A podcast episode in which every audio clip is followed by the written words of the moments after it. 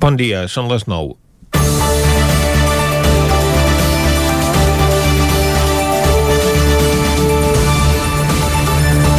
El centre de vacunació que fa uns dies va obrir el Sucre de Vic ja ha tancat provisionalment després que el govern espanyol acordés dilluns aturar durant 15 dies l'ús del vaccí d'AstraZeneca que s'utilitzava en aquest punt perquè requereix de menys requisits de conservació que les altres que s'administren en centres sanitaris o a domicili a les persones més grans.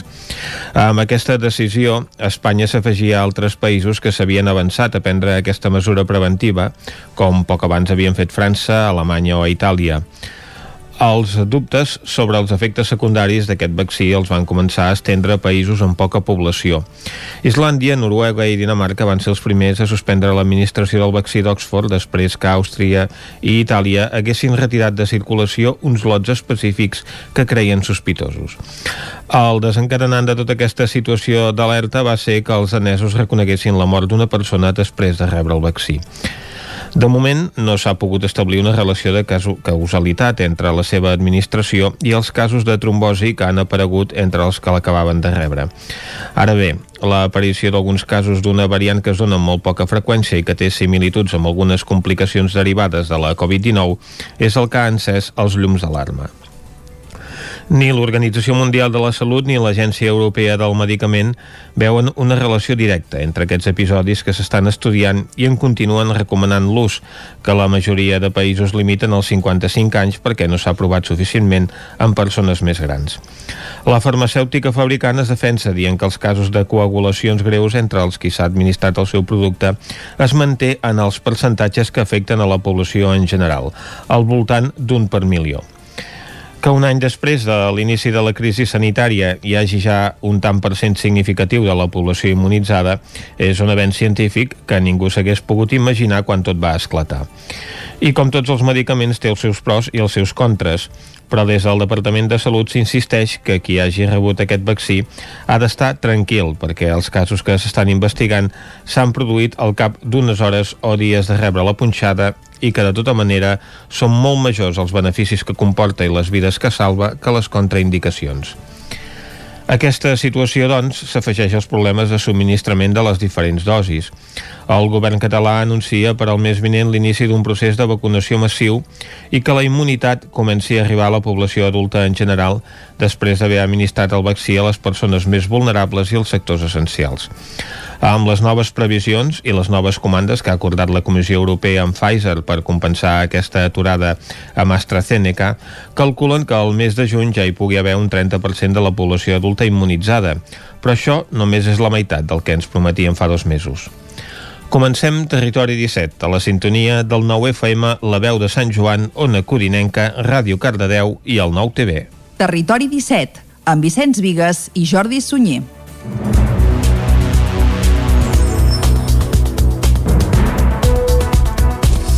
Són les 9 i 3 minuts del dimecres, dia 17 de març de 2021. Comença aquí un nou Territori 17 que avui, com sempre, durant la primera hora us acostarà tota l'actualitat de les nostres comarques. Després, a partir de les 10, tindrem un nou butlletí informatiu. A l'entrevista parlarem amb el nou diputat de Junts per Catalunya, Joan Canadell, que és precisament de, bé, de territori ona codinenca.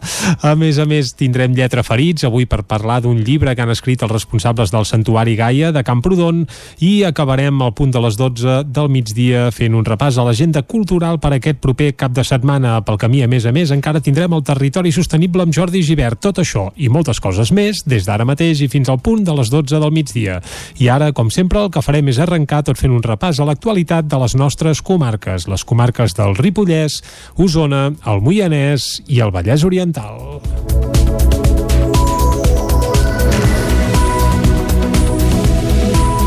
La suspensió cautelar de la vacuna d'AstraZeneca contra la Covid-19, decretada aquest dilluns, va motivar que aquest dimarts ja no es vacunés al recinte firal del Sucre, l'espai d'Osona que es va habilitar per administrar-la. El Sucre es tanca temporalment com a centre de vacunació i en els propers dies s'hi treballarà per millorar aspectes com els circuits interns i la senyalètica perquè estigui a punt quan el vaccí es pugui posar de manera massiva.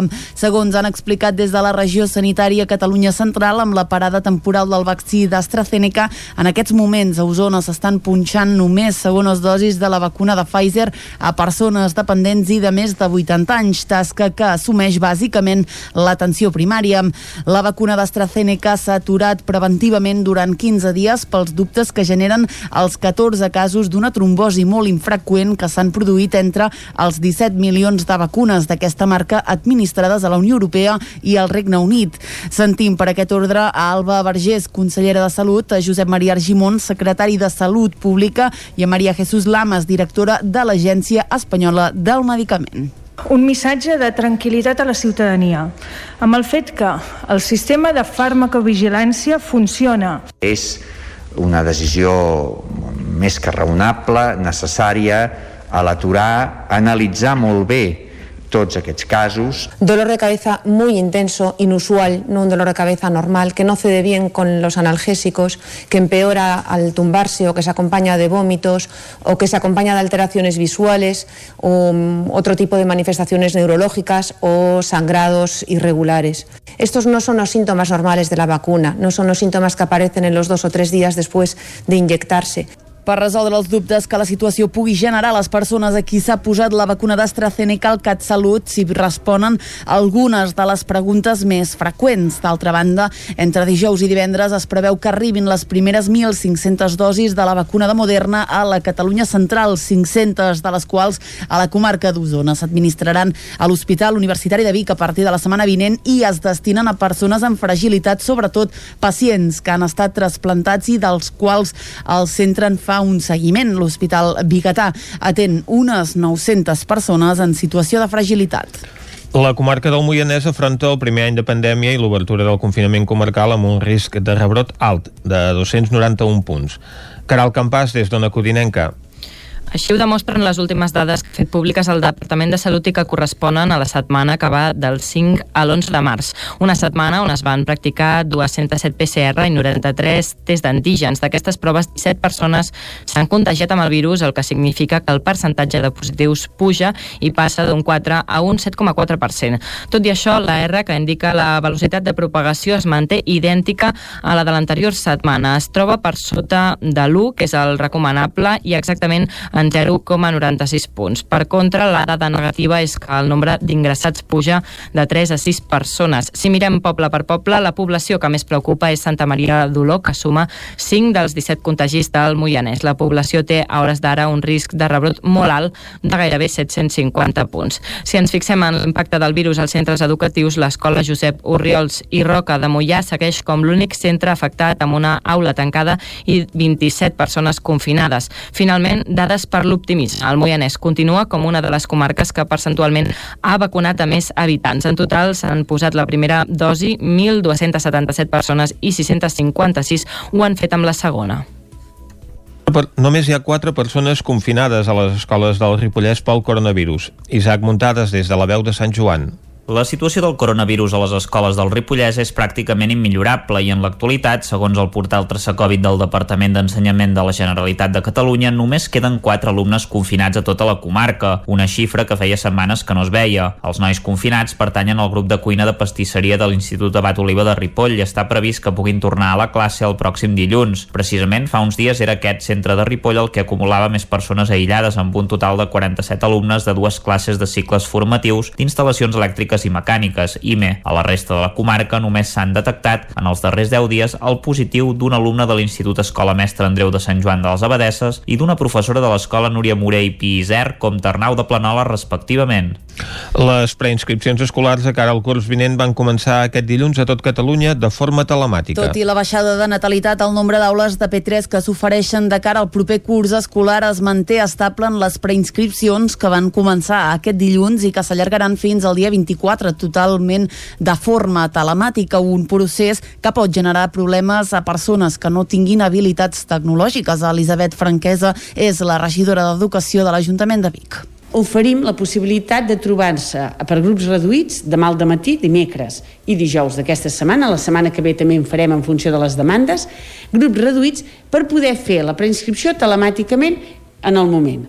Instal·larem una aula específica al Vic Jove, l'aula d'estudi, amb ordinadors, perquè les famílies que tinguin més dificultats o que no entenguin una mica tot el que necessiten a quin procediment han de seguir, els puguem acompanyar directament nosaltres. Segons els serveis territorials d'educació a la Catalunya Central, a Osona s'obren les preinscripcions amb 76 grups al primer curs d'educació infantil, un menys dels que hi ha ara, mentre que a primer d'ESO se'n preveu un més. En total, també 76.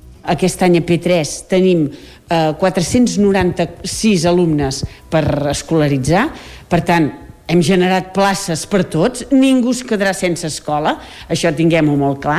Sabem que Vic és zona única. Què vol dir una zona única? Doncs que pots apuntar a l'escola que vol. Llavors, entraràs a la primera opció, entraràs a la segona opció. Quantes opcions hem d'apuntar? Nosaltres sempre diem, poseu totes aquelles escoles que us agradaria que el vostre fill hi anés, perquè d'aquesta manera donem més ventall. Possibilitats d'entrar a la primera opció? Moltes. En el total de primària a Osona hi ha una davallada de 6 grups perquè acaben més grups de 6è dels que entren a P3 i en molts casos eren grups addicionals que es van obrir per escolaritzar l'alumnat nou. A l'ESO augmenta el total de grups perquè creixen els instituts escola que van obrir a Balanyà, a Sant Pere i a Folgueroles.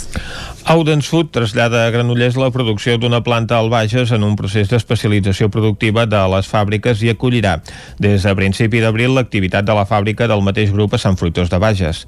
David Auladell, de Ràdio Televisió, Cardedeu. Segons ha comunicat la companyia amb seu a Granollers, la reorganització respon a la necessitat d'especialitzar les capacitats productives de les seves plantes, d'elaboració i modernitzar l'equipament industrial, substituint algunes instal·lacions obsoletes i generar economies d'escala que permetin elaborar productes a mida del client, assegurant al màxim nivell els estàndards de qualitat i seguretat alimentària. Amb l'objectiu de formalitzar aquest trasllat, s'han establert negociacions amb la representació laboral per propiciar que els 55 treballadors de la planta del Bages s'integrin a Audens Food.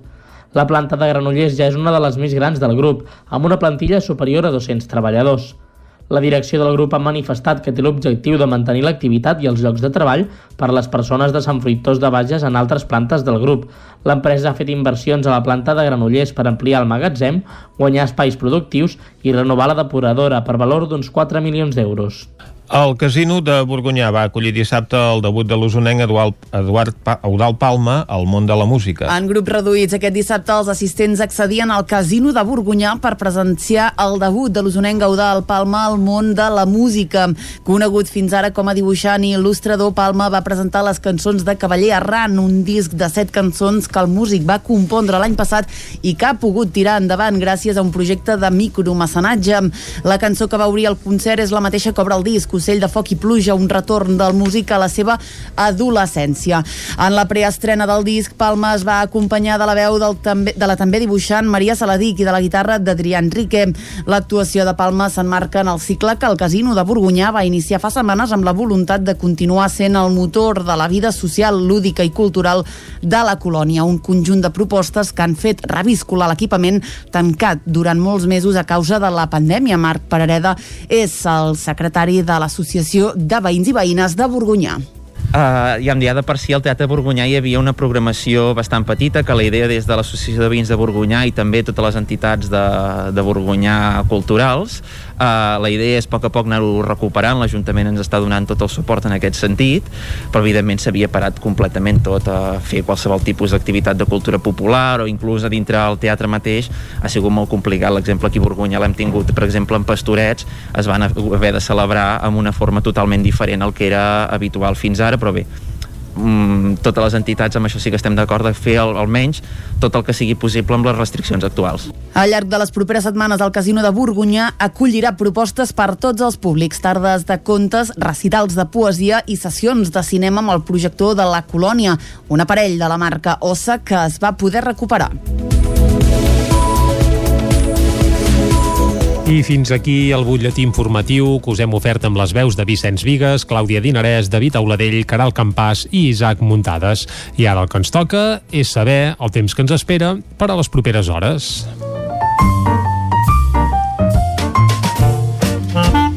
Casa Terradellos us ofereix el temps. I com sempre, qui ens parla del temps aquí a Territori 17 és en Pep Acosta, a qui ja saludem ara mateix. Molt bon dia, Pep. Molt bon dia. Molt bon dia. Benvinguts. a l'espai del temps. Gràcies, gràcies. Ja estem aquí. I tant. Avui dimecres. Uh -huh. I avui les temperatures mínimes han pujat. No m'ho esperava gaire, jo, això. Jo em pensava que tota la setmana tindríem les nits bastant fredes, amb algunes glaçades fins i tot zones de fora del Pirineu, però avui no. Avui les temperatures han pujat força, estan per sobre els 5 graus, perdó, les mínimes han quedat per sobre els 5 graus, uh -huh. a la majoria de les poblacions, i només hem tingut temperatures per sobre els 5 graus cap a la zona del Pirineu i a les zones més fredes de les nostres comarques. Uh, què es deu això? Doncs que s'ha tallat una mica aquest flux de vent de nord, aquesta entrada de vent molt freda de, de vent de nord, s'ha tallat una mica. I això ha fet que les temperatures eh, pugessin les mínimes. A més, ja som el, molt avançat al març, eh, va canviant ja tot, eh, la primavera la tenim aquí.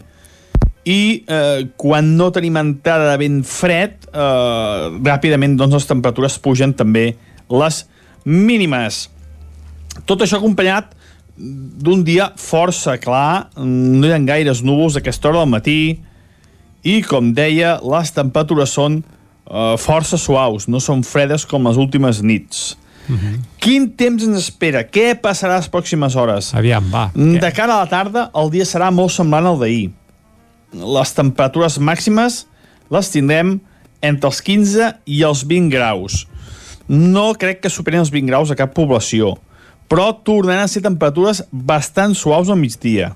No farà calor, ni molt menys, ni caloreta, però sí que bastanta suavitat. Uh, creixeran núvols d'evolució. Ja van creixent bastantes tardes aquests núvols, uh, de moment sense cap possibilitat de pluja, són núvols de, com deia, d'evolució, de que creixen a les tardes, mm -hmm. típicament a, a la primavera, però que clar, ara ja a finals de, de març és lògic que, que ja creixin aquestes nuvolades de mitja tarda. Uh, res a veure amb les tempestes d'estiu, que allò és un altre fenomen, eh, són tempestes que, que es produeixen per la gran quantitat de calor que fa, la gran quantitat d'energia que s'allibera, i això ha de per un lloc o altre. No, eh, les nuvolades de primavera són molt diferents a aquestes grans tempestes d'estiu. Eh? Són, eh, són nuvolades de, de primavera, de bon temps, de moment, de mitja tarda, com les que tindrem avui. Uh, el vent ahir va bufar fort uh, al nord de les nostres comarques, cap al Pirineu. Avui aquest vent afluixa. Ahir cops de 60, 70, 80 km per hora, avui afluixa, uh, serà de, de diversa direcció, no serà un, seran vents variables, no tindrem una entrada nord tan, tan marcada. I poca cosa més a destacar, mm. només dir que de cara a dijous, divendres i cap de setmana, les temperatures baixaran, i tindrem més inestabilitat. Mm, però no sembla ni de bon tros que vinguin pluges generals, nevades generals, això segur que no. El que sí que bé és un retorn a l'hivern, farà força fred, però ni de bon tros tindrem un episodi de pluja general. Ja ho anem concretant a partir de demà.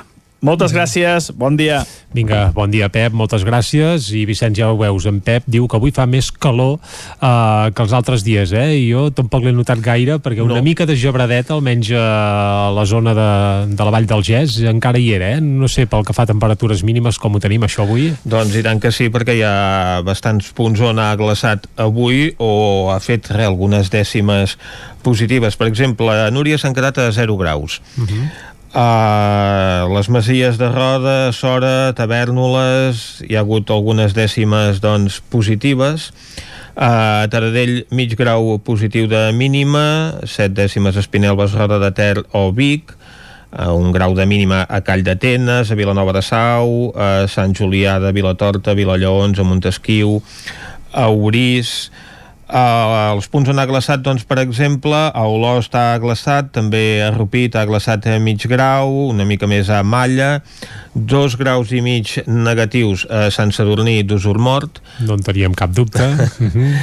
però s'ha vist superat aquesta vegada per Ull de Ter, on la temperatura doncs, ha caigut un grau més, 3 graus i mig negatius. I, en canvi, al Ripollès doncs, es donen també algun fenomen més curiós. El poble n'ha fet més fred a Sant Pau de Segúries, un grau i mig de temperatura mínima, uh -huh. però en punts com Camprodon, doncs, la temperatura mínima ha estat avui de 5 graus i a Caralps de 6 i mig per tant, exacte, en aquests punts més Aquí elevats sí doncs, no, ha fa fet, calor, no ha fet tan entre fred. Mm -hmm. Molt bé, doncs repassades una mica aquestes temperatures mínimes, el que farem ara és fer via cap al quiosc per saber què diuen les portades de la premsa d'avui.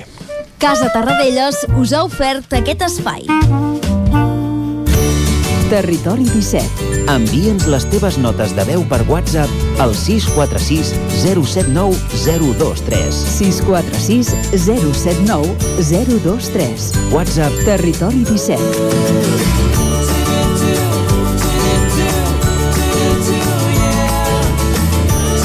Territori 17. Som a Facebook, Twitter i Instagram amb l'usuari Territori 17.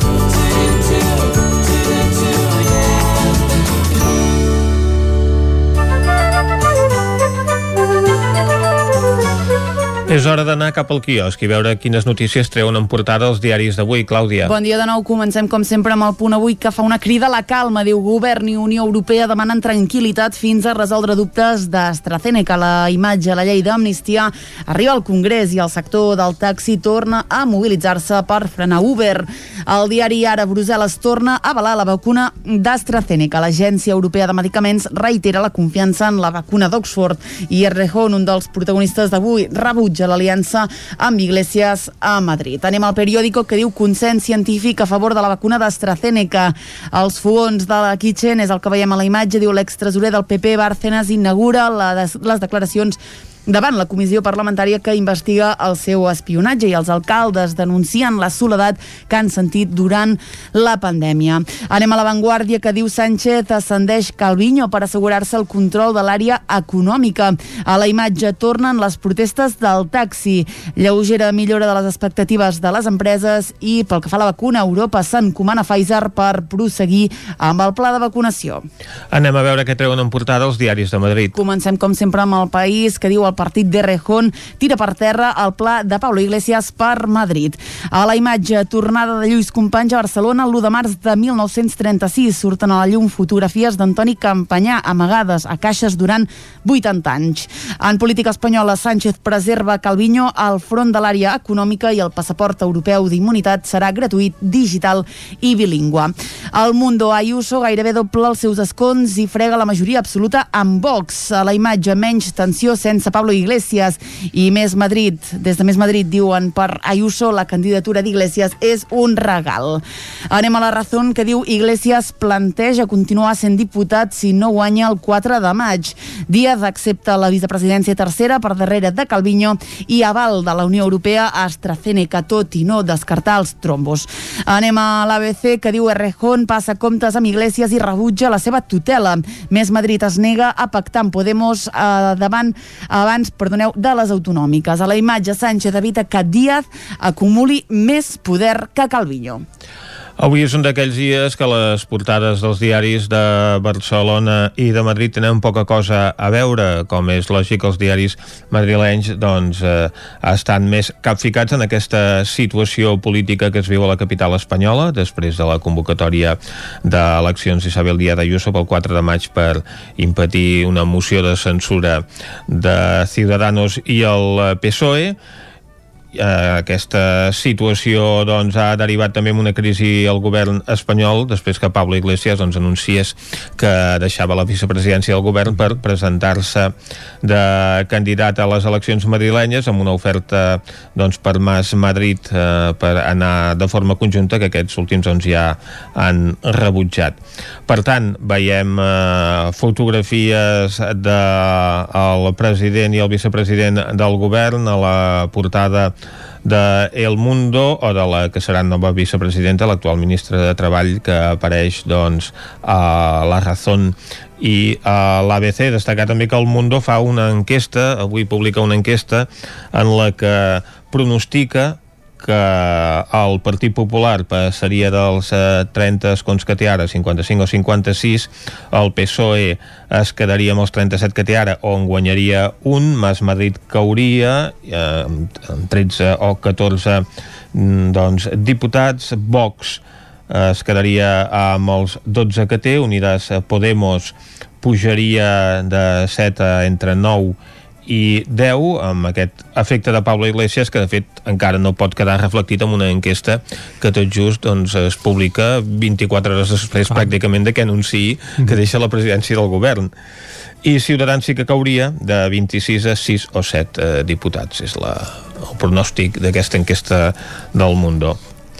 Una enquesta que bé, que cal tenir té, en compte... Té el seu valor relatiu, sí, sí, no? Sí, exacte, que després de l'anunci de Pablo Iglesias que va fer dilluns doncs, anunciant que deixava el govern espanyol per presentar-se per Madrid, és evident que això s'hauria de reflectir i molt en aquestes enquestes. Uh uh, deixem dir també que, com que has parlat, uh, bé, a moltes portades surt el tema famós de la vacuna AstraZeneca, uh -huh. uh, apuntar que la portada de VilaWeb, per exemple, aquest diari digital, uh, sí que titulen què s'amaga darrere el nou escàndol polític europeu uh -huh. i expliquen que la paralització del procés de vaccinació, de vacunació, s'explica més per interessos polítics que no pas per raons científiques. Una de les polèmiques del dia i on de vegades cal mirar més amb criteris de geopolítica que no pas amb criteris sanitaris. El que passa que ja sabem que hi ha molts interessos al darrere de tot plegat uh -huh. i de, de vegades és important allò separar bé el gra de la palla, tot i que evidentment nosaltres no som pas experts en vacunes, però sí que cal agafar-s'ho amb moltes precaucions. Ni ens n'hem posat cap. Tot plegat. No, de moment no.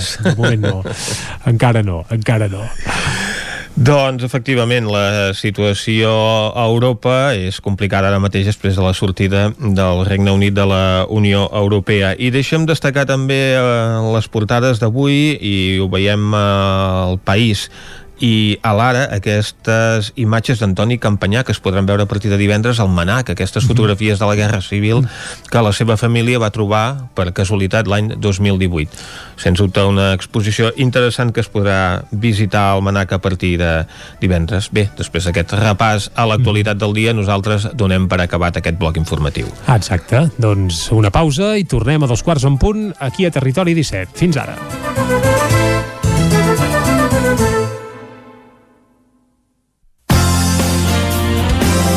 El nou FM, la ràdio de casa, al 92.8. Pepeta Vilaró, menjar a domicili per a gent gran. Menús saludables i adaptats segons les seves necessitats, per viure més temps a casa amb millor salut i qualitat de vida. Informa-te'n al 931 31 71 81 o a pepetavilaró.cat. Pepeta Vilaró, la salut i el benestar dels nostres avis comença per cuidar el que mengen. Quin valor té l'aigua per tu? Per beure. Per dutxar-me. Per cuinar. Per fer energia. Per regar l'hortet. Perquè baixin ben plens els rius. Per fer bombolles. Per banyar-me al mar. Per refrescar-me. Per tenir uns boscos preciosos. L'aigua és vida i ens dona vida, i sense aigua no hi ha res. 22 de març, Dia Mundial de l'Aigua. Donem-li el valor que es mereix. Aigües Vic, el valor de l'aigua.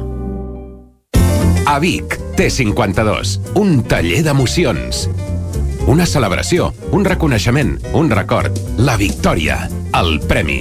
Tenim una solució personalitzada per a cada ocasió. Ens trobaràs al centre, al carrer 941 i també a l'Horta Vermella, al carrer Menéndez Pelayo 31. Més informació a t52.cat.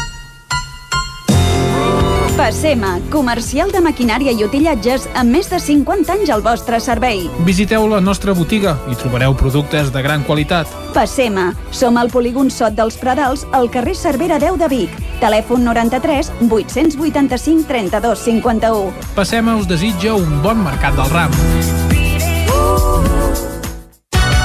A Montse Estètic Vic celebrem dos anys. Tant si ets client nostre com si ens acabes de conèixer, gaudiràs de descomptes i promocions tot el mes de març. Aconsegueix un 2 per 1 en la depilació làser al portar un amic o amiga i enamora't gratuïtament de la presoteràpia mentre et fem un tractament facial. Cuida't més que mai. Ara amb el 20% de descompte en tots els productes. Vine a Montse Estètic i mima't. Ens trobaràs a l'Avinguda Pius 12, número 26 de Vic. Al telèfon 672 1704 23 i a la web montsestètic.com. Els dies 25 i 26 de març se celebren les eleccions agràries. Les votacions seran únicament pel sistema de votació electrònica. Pots votar remotament amb l'IDCAT certificat, el DNI electrònic, altres certificats reconeguts o amb el sistema de reconeixement biomètric. També pots votar de manera presencial amb el DNI des de qualsevol dels punts d'assistència al vot electrònic. Tots els punts comptaran amb les mesures sanitàries necessàries per garantir la teva salut i la de tothom. Més informació a agricultura.gencat.cat. Generalitat de Catalunya. La ràdio de casa al 92.8. El 9 FM.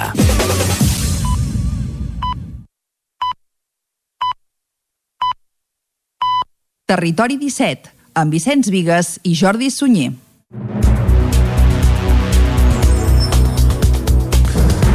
Dos quarts de deu en punt d'avui, dimecres, dia 17 de març de 2021. Seguim en directe aquí a Territori 17 i de seguida us acostarem de nou tota l'actualitat de les nostres comarques. Després, a partir de les 10, més informació, entrevista avui a Joan Canadell, que és de Vigues i Riells, recordem-ho, i és un dels nous flamants diputats de Junts per Catalunya al Parlament.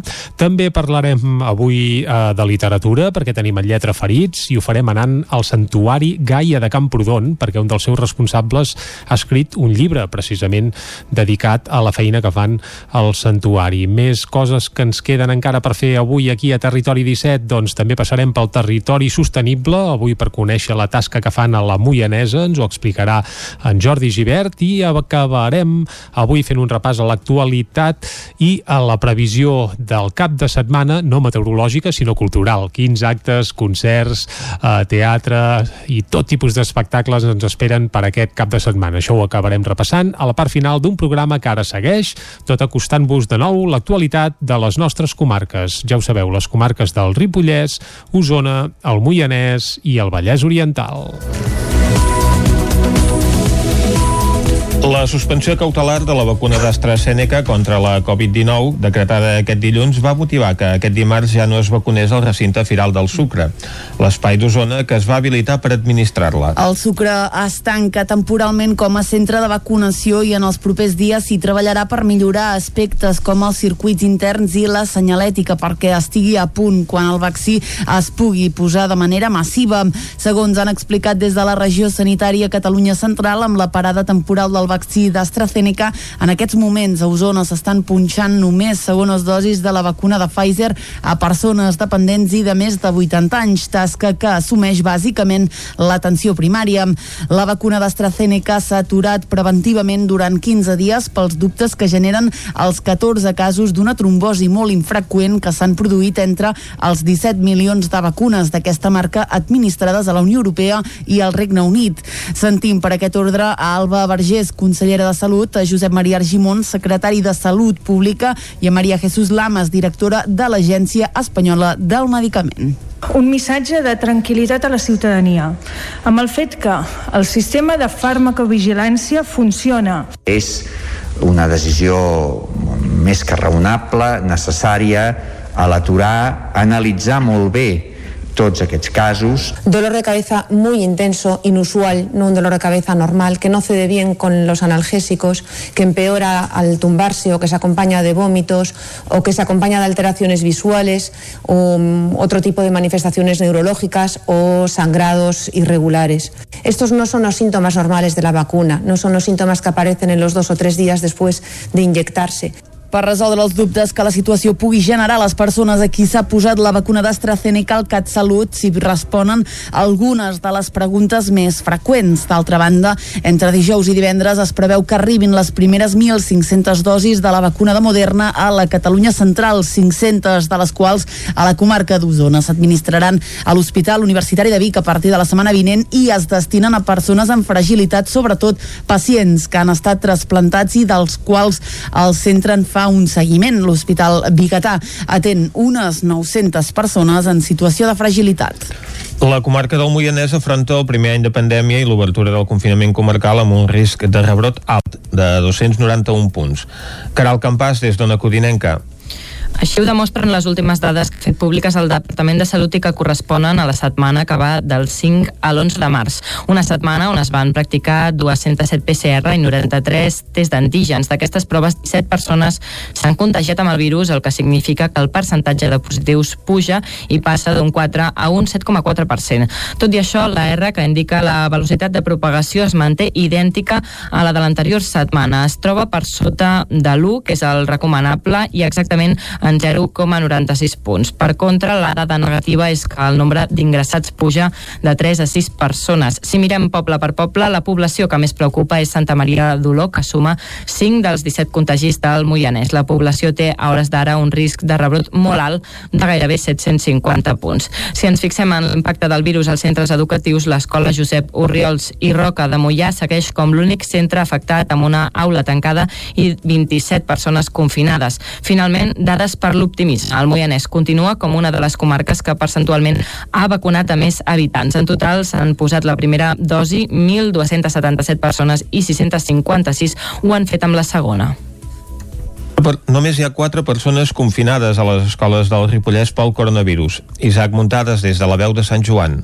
La situació del coronavirus a les escoles del Ripollès és pràcticament immillorable i en l'actualitat, segons el portal Traçacovid del Departament d'Ensenyament de la Generalitat de Catalunya, només queden 4 alumnes confinats a tota la comarca, una xifra que feia setmanes que no es veia. Els nois confinats pertanyen al grup de cuina de pastisseria de l'Institut Abat Oliva de Ripoll i està previst que puguin tornar a la classe el pròxim dilluns. Precisament fa uns dies era aquest centre de Ripoll el que acumulava més persones aïllades amb un total de 47 alumnes de dues classes de cicles formatius d'instal·lacions elèctriques i mecàniques, IME. A la resta de la comarca només s'han detectat en els darrers 10 dies el positiu d'un alumne de l'Institut Escola Mestre Andreu de Sant Joan de les Abadesses i d'una professora de l'Escola Núria Morell i Isern com Ternau de Planola respectivament.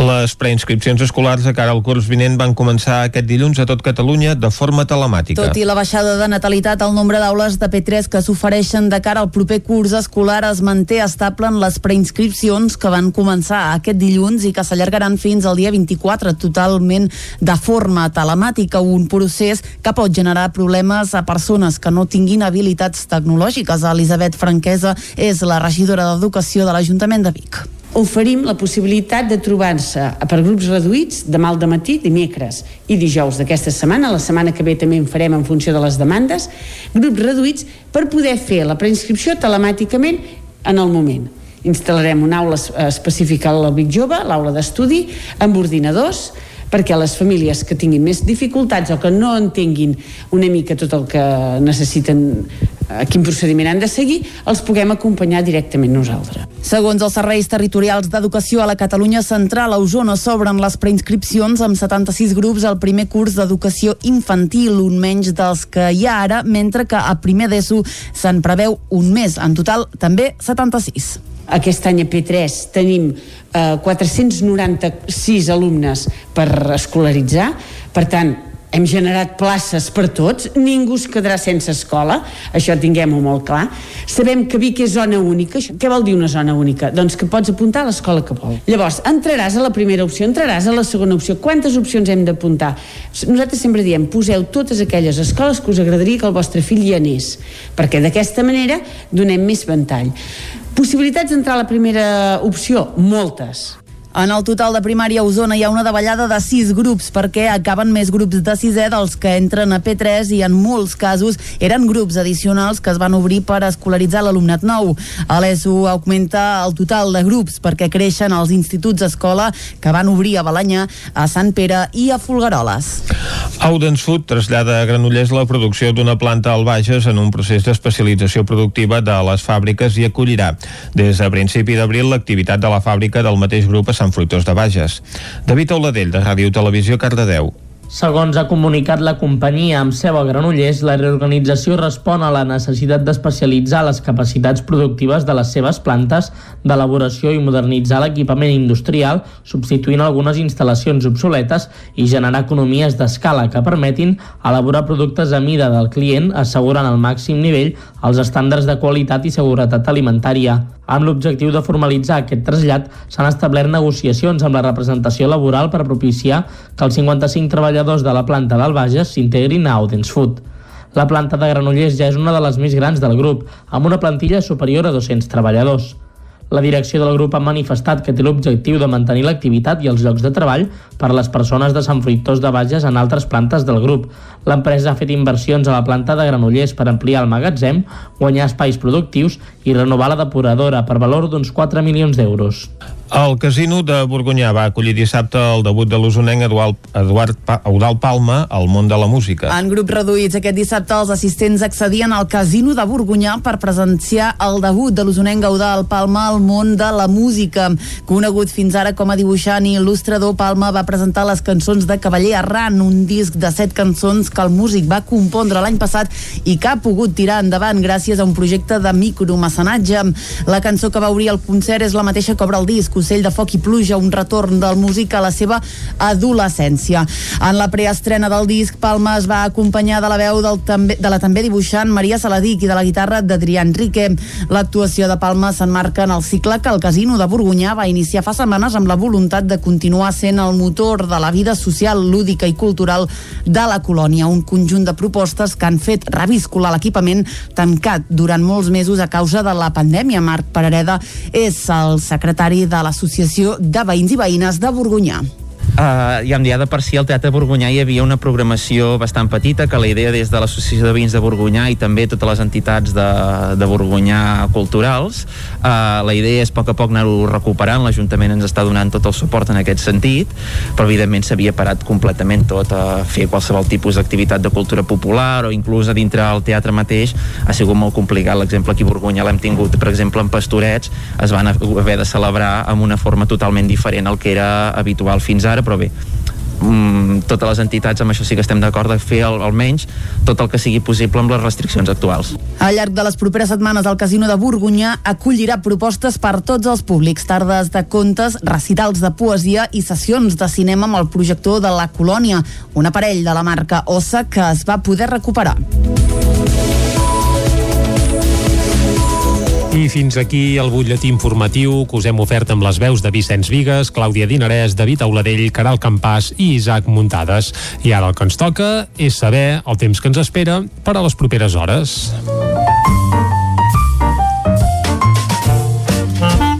Casa Terradellos us ofereix el temps. I com sempre, qui ens parla del temps aquí a Territori 17 és en Pep Acosta, a qui ja saludem ara mateix. Molt bon dia, Pep. Molt bon dia. Molt bon dia. Benvinguts a l'espai del temps. Gràcies, gràcies. Ja estem aquí. I tant. Avui dimecres. Mhm. Uh -huh. I avui les temperatures mínimes han pujat. No m'ho esperava gaire, jo, això. Jo em pensava que tota la setmana tindríem les nits bastant fredes, amb algunes glaçades fins i tot a zones de fora del Pirineu, però avui no. Avui les temperatures han pujat força, estan per sobre els 5 graus, perdó, les mínimes han quedat per sobre els 5 graus, uh -huh. a la majoria de les poblacions, i només hem tingut temperatures per sobre els 5 graus cap a la zona del Pirineu i a les zones més fredes de les nostres comarques. Uh, què es deu això? Doncs que s'ha tallat una mica aquest flux de vent de nord, aquesta entrada de vent molt freda de, de vent de nord, s'ha tallat una mica. I això ha fet que les temperatures eh, pugessin les mínimes. A més, ja som el, molt avançat al març, eh, va canviant ja tot, eh, la primavera la tenim aquí. I eh, quan no tenim entrada de vent fred, eh, ràpidament doncs, les temperatures pugen també les mínimes. Tot això acompanyat d'un dia força clar, no hi ha gaires núvols a aquesta hora del matí, i, com deia, les temperatures són uh, força suaus, no són fredes com les últimes nits. Uh -huh. Quin temps ens espera? Què passarà les pròximes hores? Aviam, va. De cara a la tarda, el dia serà molt semblant al d'ahir. Les temperatures màximes les tindrem entre els 15 i els 20 graus. No crec que superin els 20 graus a cap població, però tornaran a ser temperatures bastant suaus al migdia. No farà calor, ni molt menys, ni caloreta, però sí que bastanta suavitat. Uh, creixeran núvols d'evolució. Ja van creixent bastantes tardes aquests núvols, uh, de moment sense cap possibilitat de pluja, són núvols de, com deia, d'evolució, de que creixen a les tardes, -hmm. típicament a, a la primavera, però que clar, ara ja a finals de, de març és lògic que, que ja creixin aquestes nuvolades de mitja tarda. Eh, res a veure amb les tempestes d'estiu, que allò és un altre fenomen, eh, són tempestes que, que es produeixen per la gran quantitat de calor que fa, la gran quantitat d'energia que s'allibera, i això de patar per un lloc o altre. No, eh, les nuvolades de primavera són molt diferents a aquestes grans tempestes d'estiu. Eh? Són, eh, són nuvolades de, de primavera, de bon temps, de moment, de mitja tarda, com les que tindrem avui. Eh, el vent ahir va bufar fort eh, al nord de les nostres comarques, cap al Pirineu. Avui aquest vent afluixa. Ahir cops de 60, 70, 80 km per hora, avui afluixa, eh, serà de, de diversa direcció, no serà un, seran vents variables, no tindrem una entrada nord tan, tan marcada. I poca cosa més a destacar, mm. només dir que de cara a dijous, divendres i cap de setmana les temperatures baixaran i tindrem més inestabilitat. Mm, però no sembla ni de bon tros que vinguin pluges generals, nevades generals, això segur que no. El que sí que bé és un retorn a l'hivern, farà força fred, però ni de bon tros tindrem un episodi de pluja general. Ja ho anem concretant a partir de demà. Moltes gràcies, bon dia. Vinga, bon dia, Pep, moltes gràcies. I Vicenç, ja ho veus, en Pep diu que avui fa més calor uh, que els altres dies, eh? I jo tampoc l'he notat gaire, perquè una no. mica de gebradeta, almenys a la zona de, de la Vall del Gès, encara hi era, eh? No sé, pel que fa a temperatures mínimes, com ho tenim això avui? Doncs i tant que sí, perquè hi ha bastants punts on ha glaçat avui o ha fet re, algunes dècimes positives. Per exemple, a Núria s'han quedat a 0 graus. Uh -huh. Uh, les Masies de Roda, Sora, Tavernoles, hi ha hagut algunes dècimes doncs, positives. Uh, Taradell, mig grau positiu de mínima, set dècimes Espinelves, Roda de Ter o Vic, uh, un grau de mínima a Call d'Atenes, a Vilanova de Sau, a Sant Julià de Vilatorta, a Vilallons, a Montesquiu, a Orís, Uh, els punts on ha glaçat, doncs, per exemple, a Olost ha glaçat, també a Rupit ha glaçat a mig grau, una mica més a Malla, dos graus i mig negatius a Sant Sadurní d'Usur Mort. No en teníem cap dubte.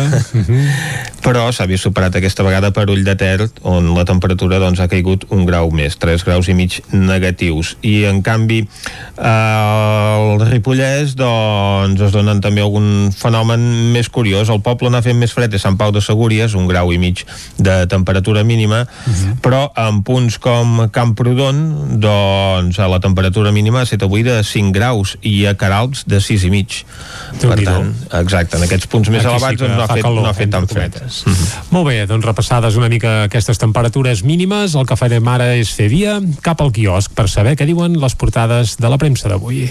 Casa Tarradellas us ha ofert aquest espai. Territori 17. Envia'ns les teves notes de veu per WhatsApp al 646 079 023. 646 079 023. WhatsApp Territori 17.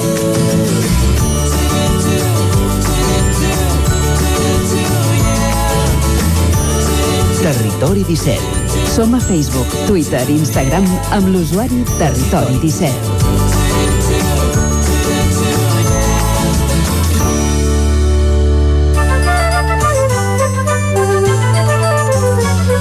És hora d'anar cap al quiosc i veure quines notícies treuen en portada els diaris d'avui. Clàudia. Bon dia de nou. Comencem, com sempre, amb el punt avui que fa una crida a la calma. Diu Govern i Unió Europea demanen tranquil·litat fins a resoldre dubtes d'AstraZeneca. La imatge, la llei d'amnistia, arriba al Congrés i el sector del taxi torna a mobilitzar-se per frenar Uber. El diari Ara Brussel·les torna a avalar la vacuna d'AstraZeneca. L'Agència Europea de Medicaments reitera la confiança en la vacuna d'Oxford i Errejón, un dels protagonistes d'avui, rebutja a l'aliança amb Iglesias a Madrid. Anem al periòdico que diu consens científic a favor de la vacuna d'AstraZeneca. Els fogons de la Kitchen és el que veiem a la imatge, diu l'extresorer del PP Bárcenas inaugura la, les declaracions davant la comissió parlamentària que investiga el seu espionatge i els alcaldes denuncien la soledat que han sentit durant la pandèmia. Anem a l'avantguàrdia que diu Sánchez ascendeix Calviño per assegurar-se el control de l'àrea econòmica. A la imatge tornen les protestes del taxi. Lleugera millora de les expectatives de les empreses i pel que fa a la vacuna, Europa s'encomana Pfizer per proseguir amb el pla de vacunació. Anem a veure què treuen en portada els diaris de Madrid. Comencem, com sempre, amb el país que diu el partit de Rejón tira per terra el pla de Pablo Iglesias per Madrid. A la imatge, tornada de Lluís Companys a Barcelona l'1 de març de 1936. Surten a la llum fotografies d'Antoni Campanyà amagades a caixes durant 80 anys. En política espanyola, Sánchez preserva Calviño al front de l'àrea econòmica i el passaport europeu d'immunitat serà gratuït, digital i bilingüe. El Mundo Ayuso gairebé doble els seus escons i frega la majoria absoluta amb Vox. A la imatge, menys tensió sense Pablo Iglesias i més Madrid. Des de Més Madrid diuen per Ayuso la candidatura d'Iglesias és un regal. Anem a la raó que diu Iglesias planteja continuar sent diputat si no guanya el 4 de maig. Díaz accepta la vicepresidència tercera per darrere de Calviño i aval de la Unió Europea a AstraZeneca, tot i no descartar els trombos. Anem a l'ABC que diu Errejón passa comptes amb Iglesias i rebutja la seva tutela. Més Madrid es nega a pactar amb Podemos eh, davant abans, perdoneu, de les autonòmiques. A la imatge Sánchez evita que Díaz acumuli més poder que Calviño. Avui és un d'aquells dies que les portades dels diaris de Barcelona i de Madrid tenen poca cosa a veure, com és lògic els diaris madrilenys doncs eh, estan més capficats en aquesta situació política que es viu a la capital espanyola després de la convocatòria d'eleccions Isabel Díaz Ayuso pel 4 de maig per impedir una moció de censura de Ciudadanos i el PSOE aquesta situació doncs, ha derivat també en una crisi al govern espanyol després que Pablo Iglesias doncs, anunciés que deixava la vicepresidència del govern per presentar-se de candidat a les eleccions madrilenyes amb una oferta doncs, per Mas Madrid eh, per anar de forma conjunta que aquests últims doncs, ja han rebutjat. Per tant, veiem eh, fotografies del president i el vicepresident del govern a la portada de El Mundo o de la que serà nova vicepresidenta, l'actual ministra de Treball que apareix doncs a La Razón i a l'ABC. Destacar també que El Mundo fa una enquesta, avui publica una enquesta en la que pronostica que el Partit Popular passaria dels 30 escons que té ara, 55 o 56, el PSOE es quedaria amb els 37 que té ara, o en guanyaria un, Mas Madrid cauria, eh, amb 13 o 14 doncs, diputats, Vox es quedaria amb els 12 que té, Unidas Podemos pujaria de 7 a entre 9 i 10 amb aquest efecte de Pablo Iglesias que de fet encara no pot quedar reflectit en una enquesta que tot just doncs, es publica 24 hores després ah. pràcticament de que anunciï que deixa la presidència del govern. I Ciutadans sí que cauria de 26 a 6 o 7 eh, diputats. És la, el pronòstic d'aquesta enquesta del Mundo.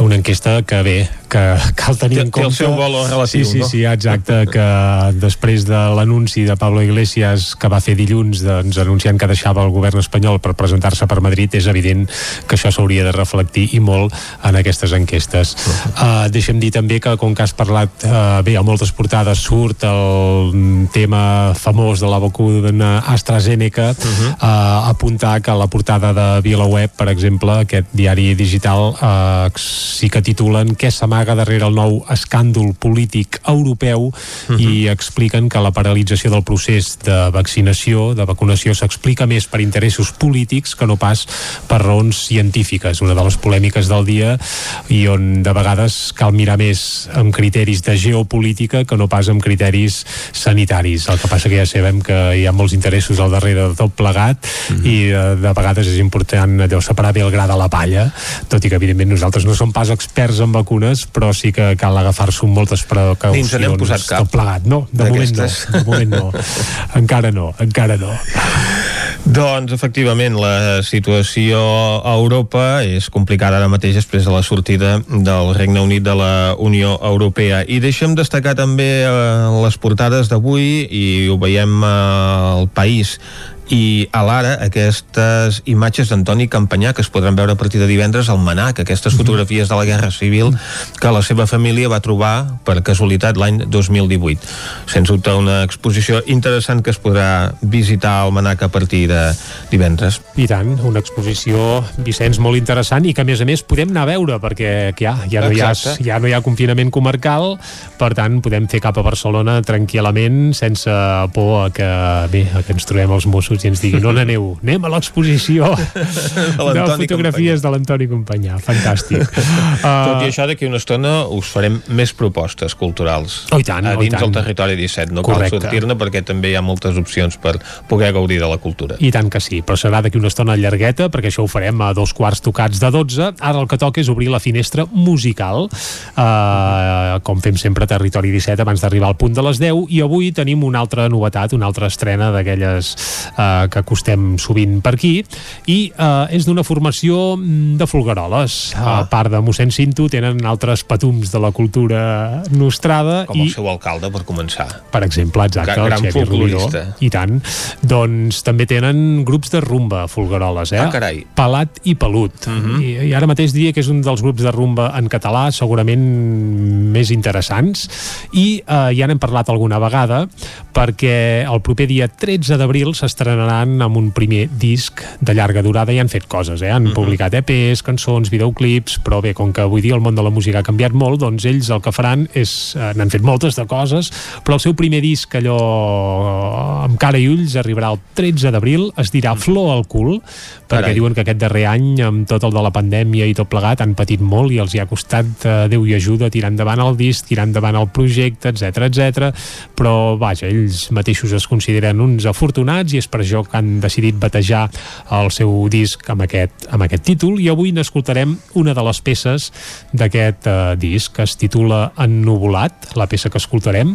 Mhm. i eh, hi ha un videoclip que és molt i molt aconsellable que veieu perquè la veritat és que és una obra d'art. Està fet amb un pla seqüència amb un carretó de supermercat que va donant voltes amb una espècie de decorat eh, bé, una cosa molt molt interessant. Si podeu, poseu ennuvolat al YouTube feu un cop d'ull perquè des d'ahir ja es pot veure aquest videoclip i la veritat és que val molt la pena.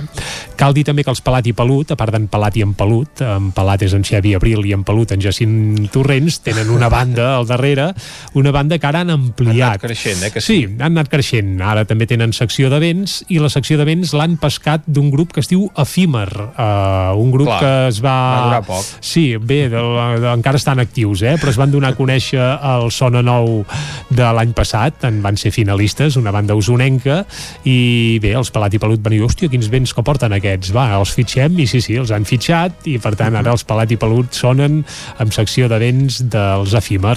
Uh, dit tot això, uh, anem a escoltar la cançó ja, sí? Som-hi. Doncs el més nou de Pelat i Pelut és ennuvolat i sona així. Amb això arribarem fins a les 10 aquí a Territori 17. Fins ara. Tot molt natural. Et fan creure que tens un cor que et surt del pit i molt sovint està encongit. Creus que algun dia farem història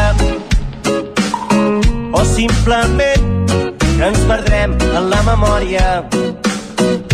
Avui el sol sortirà de nit i la lluna sobre el teu pit. Estic ennuvolat, ple de boira i em perdràs al cap.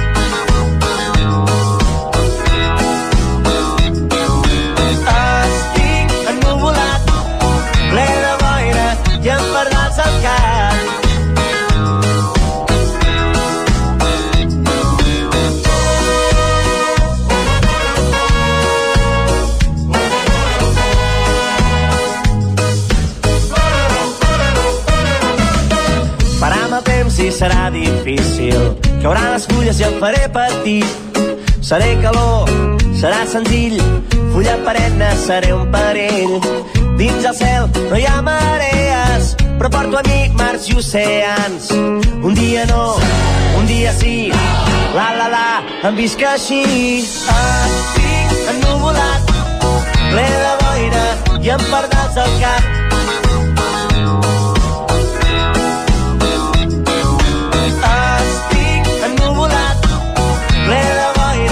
i empernats al cap.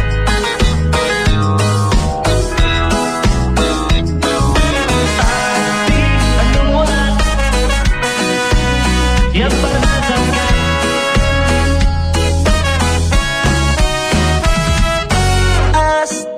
Ennuvolat, ple de boira i amb pardals al cap.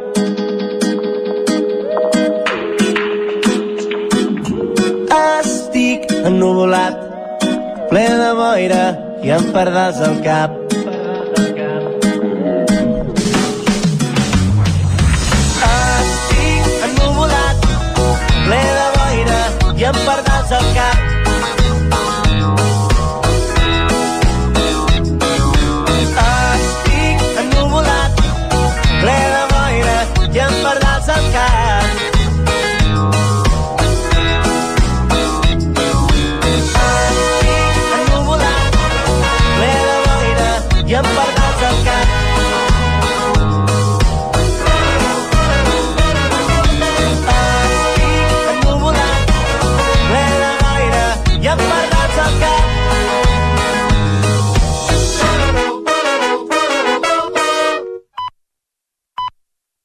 En punt torna la informació de les nostres comarques, les comarques del Ripollès, Osona, el Moianès i el Vallès Oriental.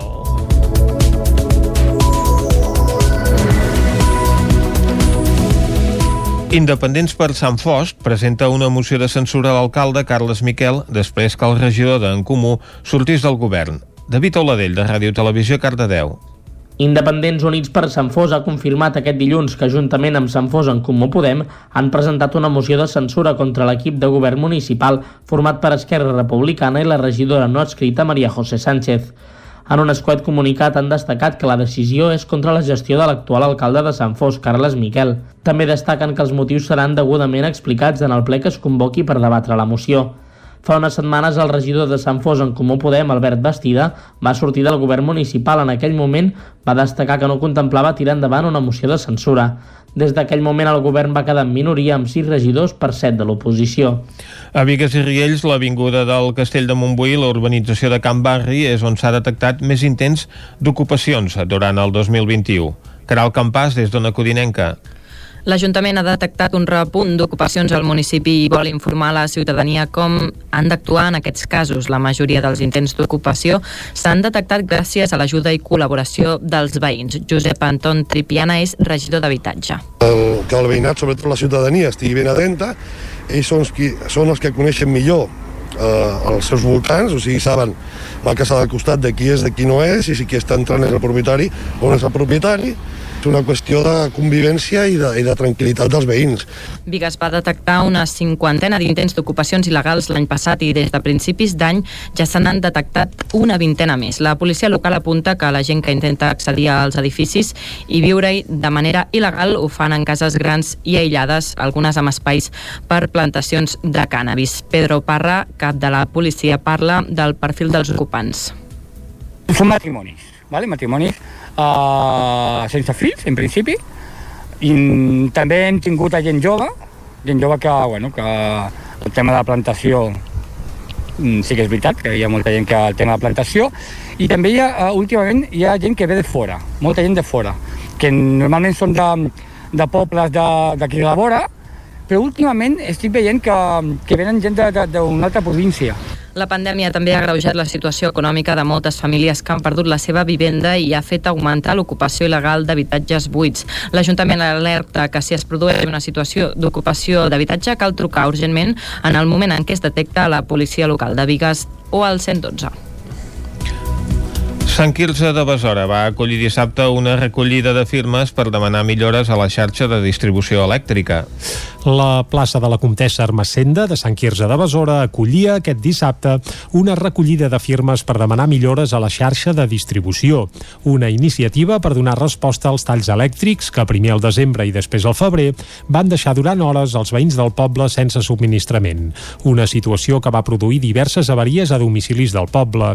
Moisès Martínez i Laura Font són veïns de Sant Quirze de Besora. El primer tall va ser un tall de 19 hores que bueno, ens va deixar tot el barri sense llum i, i més comptant que és un barri amb molta gent, molta gent gran llavors la gent es va perjudicar molt i va quedar molt, molt fotuda.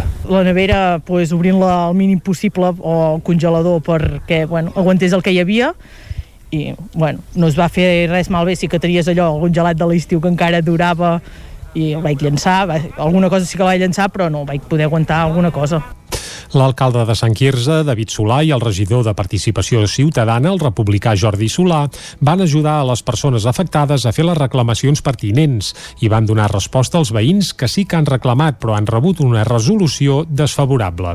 Escoltem a l'alcalde, David Solà.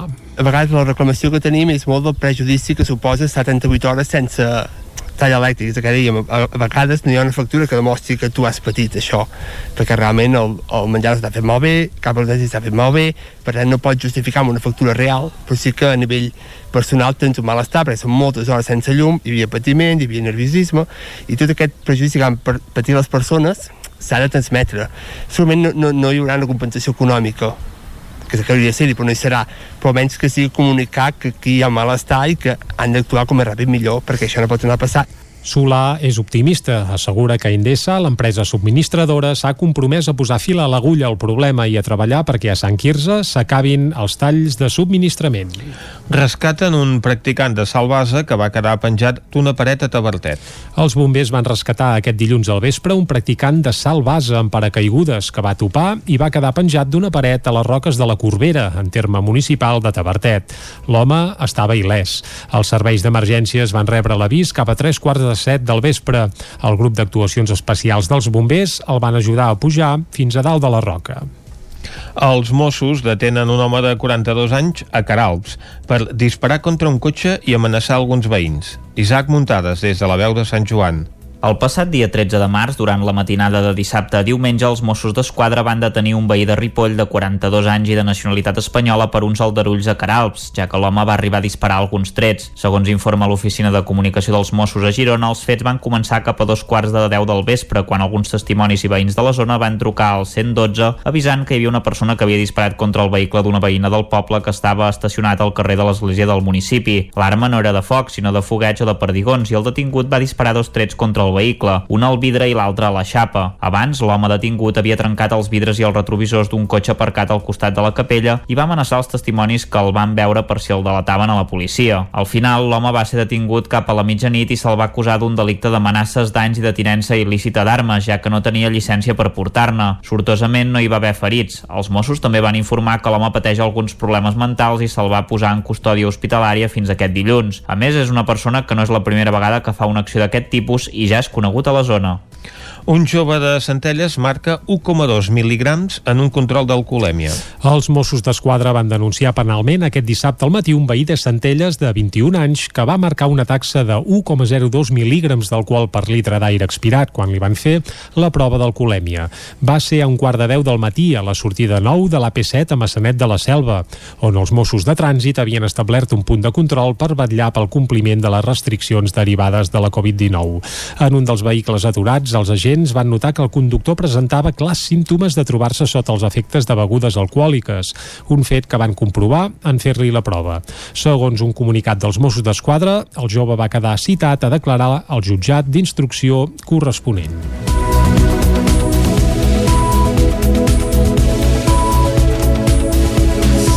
I fins aquí el butlletí informatiu de notícies de les 10 del matí que us hem ofert amb Vicenç Vigues, David Auladell, Caral Campàs i Isaac Muntades. I ara el que toca és de nou fer una ullada al temps.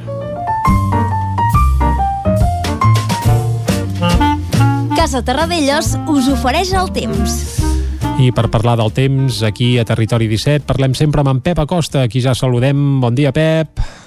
Molt bon dia. Molt bon dia. Benvinguts a l'espai del temps. Ja estem aquí, avui dimecres, i avui les temperatures mínimes han pujat.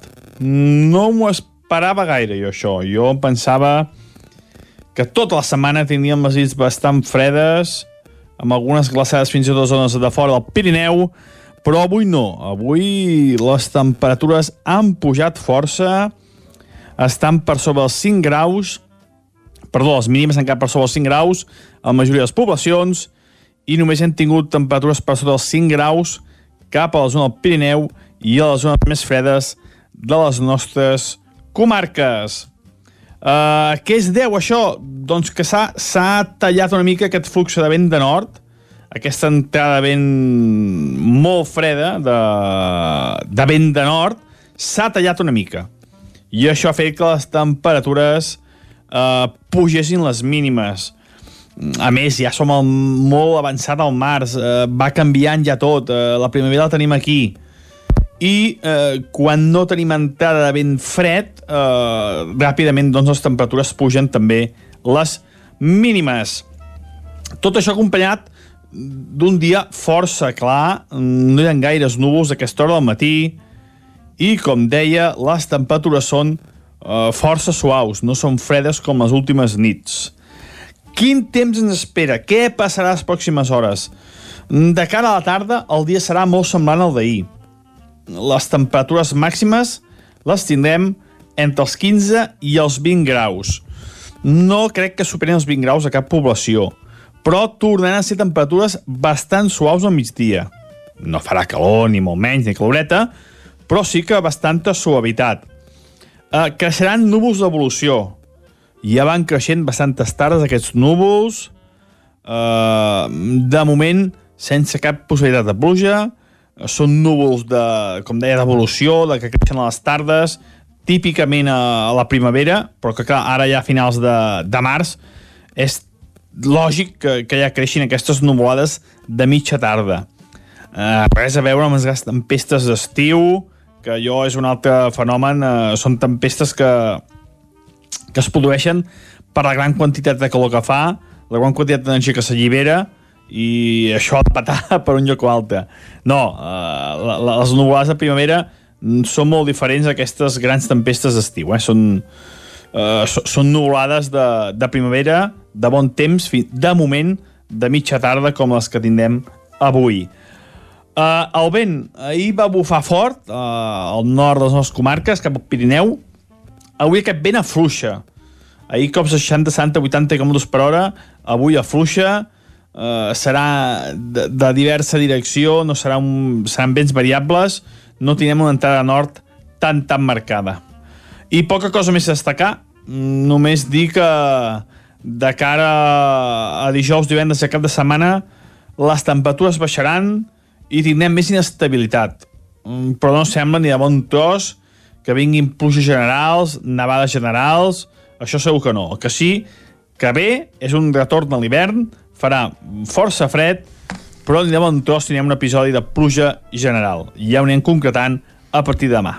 Moltes gràcies, bon dia. Doncs moltes gràcies, Pep. Això esperem que ens vagis concretant la previsió a partir de demà perquè sembla que aquests últims dies d'hivern doncs el fred es vol deixar sentir i que cauran les temperatures. No sé si hi haurà també nevades o no hi haurà nevades en alguns punts on no és habitual com algunes previsions indiquen o si bé doncs només haurem d'esperar nevades a les parts més altes del Pirineu o allà on és habitual i on més ho esperen perquè ara que s'ha obert el confinament comarcal, doncs la comarca del Ripollès esperen els visitants a les pistes d'esquí per poder doncs, gaudir del seu esport preferit en aquestes últimes setmanes que queden de temporada. Recordem que les estacions de ferrocarrils de la Generalitat tenen previst tancar el dia 5 d'abril.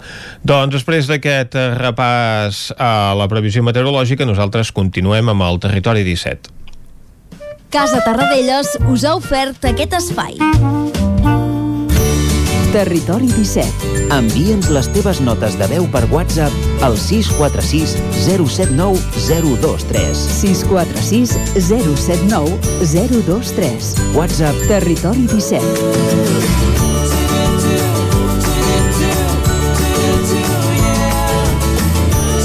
Territori 17 som a Facebook, Twitter i Instagram amb l'usuari Territori 17.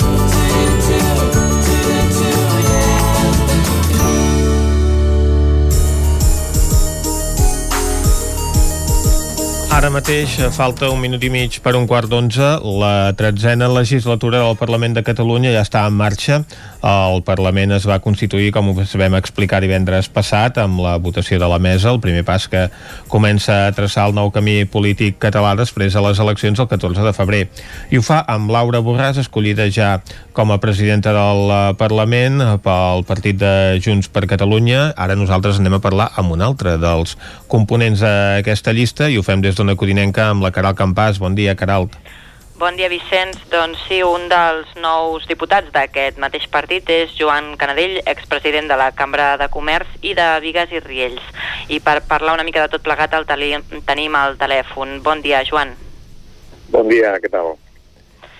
Doncs bé, eh, després de la votació de la mesa per constituir el Parlament s'ha activat doncs, un calendari amb un temps límit per investir un nou president, 10 dies hàbils que acaben el 26 de març. No sé si veu viable un pacte de govern amb Esquerra per fer president a Pere Aragonès. Bé, eh, jo com, com podeu entendre, en aquest moment eh, ni estic a les negociacions de primera línia i per tant no, no tinc uh, informació i, i això és uh, volgudament així per, per no distorsionar les negociacions però home, jo he de dir que, que en principi uh, estem convençuts de que, de que hi haurà un pacte i que farem un govern independentista perquè d'alguna manera el resultat del, del passat dia 14 de febrer uh, va en aquesta línia, no? tenim un 52% de diputats uh, uh, de vots independentistes i, i, i 74 diputats i això doncs, ens obliga a posar-nos d'acord. Per tant, he de pensar que sí, que serem capaços de fer-ho. Mm. I això els obliga a posar-se d'acord també amb la CUP. Hauria d'entrar la CUP sí, al govern per primera vegada? Bé, això, insisteixo, jo no sé com estan les negociacions, mm -hmm. ni sé si, si aquest és un tema en aquest moment eh, que estigui sobre la taula o no. El que sí està clar és que, que d'alguna manera el suport en aquest uh, proper govern uh, la, la CUP hi ha de formar part, sigui dins o no, eh? i això també dependrà una mica d'ells, perquè, perquè no només, encara que nosaltres volguéssim, si ells no hi volen ser, doncs evidentment seran, no? però sí que des de dins o des de fora uh, comptem que els 74 diputats hem d'anar una, uh, sobretot pel que fa a l'eix nacional, després, evidentment, amb la gestió uh, que necessitem per, per tirar el país endavant i sortir d'aquesta crisi, doncs segurament hi haurà algunes diferències, però també segur que ens podrem posar d'acord perquè les prioritats en aquest moment em sembla que les tenim totes i la crisi ens obliga a atendre-les, eh, tant des del punt de vista econòmic com des del punt de vista social, eh, i per tant aquí jo crec que tots estem eh, molt alineats. Deixi'm que li repregunti, perquè veient com va trontollar fins a acabar fracassant durant la passada legislatura un govern format per Junts i Esquerra, és possible i viable? bé, en tot cas el que hem de fer és aprendre dels possibles errors de la darrera legislatura, la qual, com sabeu, jo no hi era al Parlament, eh, però, però sí que com, com ciutadà i en aquest cas també com a president de la cambra doncs vaig viure a certes uh, situacions amb preocupació. No? Llavors, necessitem un govern fort, necessitem un govern que vagi a una, que tingui un pacte uh, previ eh, que, que, que sigui important i que sigui definitiu pel, pel que necessita el país i que d'alguna manera ens obligui a tots doncs, a anar a una i a, i, a, i a no cometre algunes errades que s'han comès durant la passada legislatura. Uh -huh. Vostè ara ho diu, debuta en política.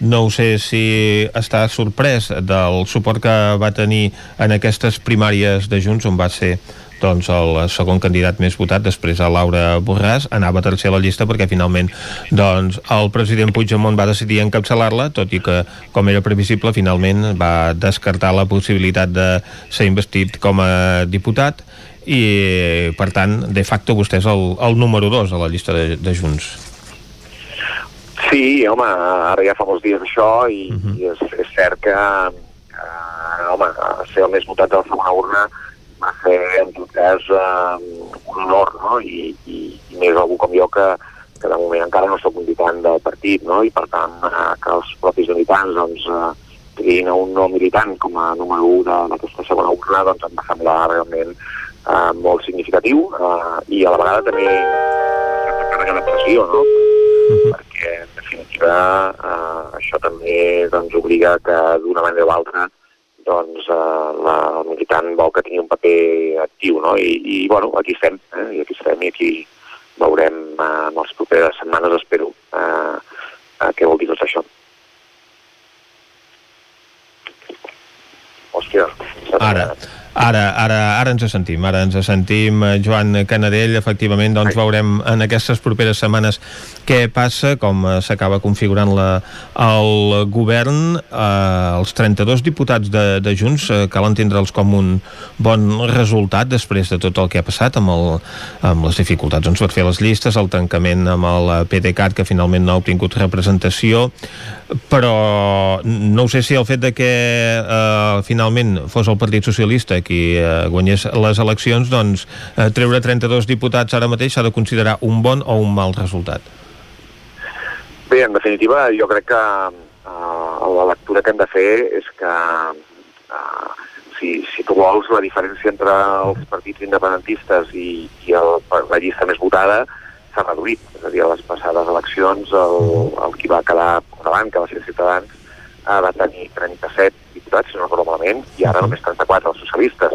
I en canvi, eh, doncs, eh, les dues forces independentistes prioritàries, que en tenien 38 i 32, ara estem en 33 i 32. Per, per tant, pràcticament el que ens ha dit la gent és que eh, hem de continuar amb aquesta idea de fer un govern eh, amb dues forces que pràcticament estan empatades, és a dir, una amunt o una avall realment eh, eh, dona un, un, una diferència, però no és substancial, i, i per tant el resultat no deixa de ser bo, eh, ja ho era fa tres anys i, i ara també ho és, el fet de que eh, Esquerra passi per davant de Junts, doncs per nosaltres, evidentment, ens suposa reconèixer que són ells qui han de liderar aquest nou govern i, i així ho hem entès i així eh, s'ha explicat.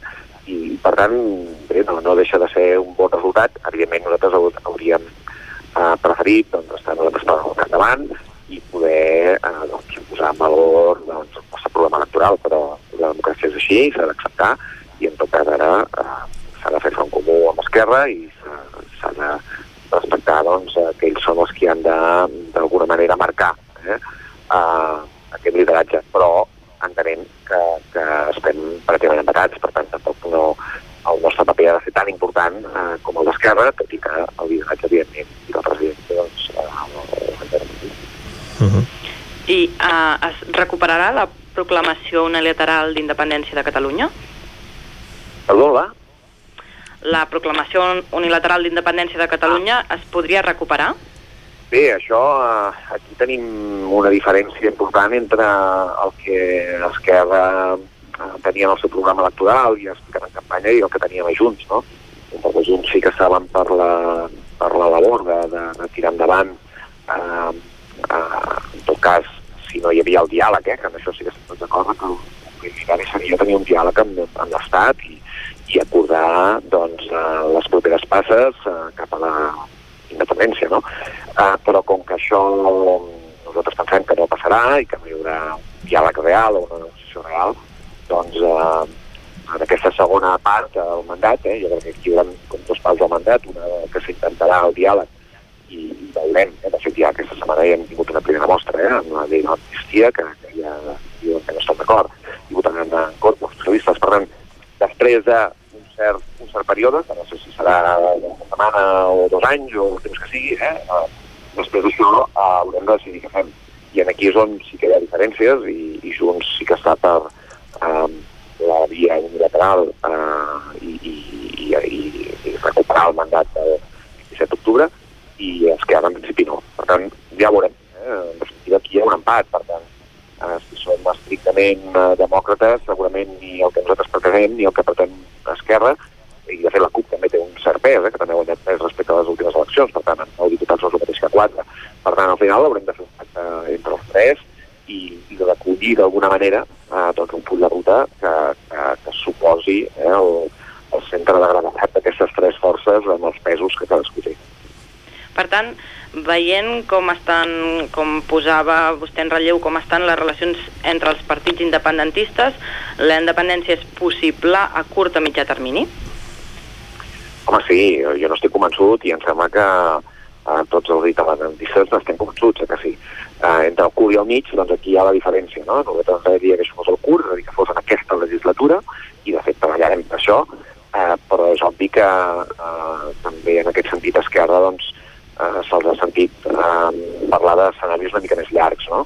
Eh, per tant, bueno, doncs veurem. Eh? Nosaltres, en principi, eh, seguirem apostant perquè en aquesta legislatura eh, es pugui fer activa la, la República, eh, sigui amb un amb un pacte amb l'Estat, que, insisteixo, eh, les probabilitats que li donem són pràcticament nules, però, però mentre hi hagi un, un únic, una, una oportunitat doncs ho hem d'intentar, eh, o sigui amb una altra eh, via eh, en línia que comentava abans eh, de la unilateralitat. No?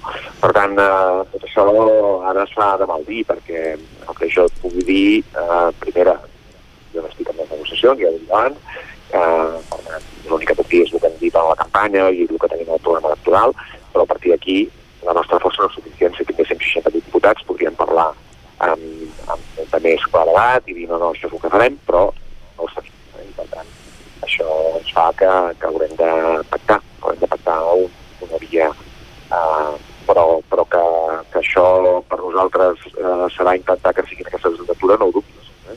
Perquè aquí veurem, no amb aquesta, però veurem, però, però intentarem.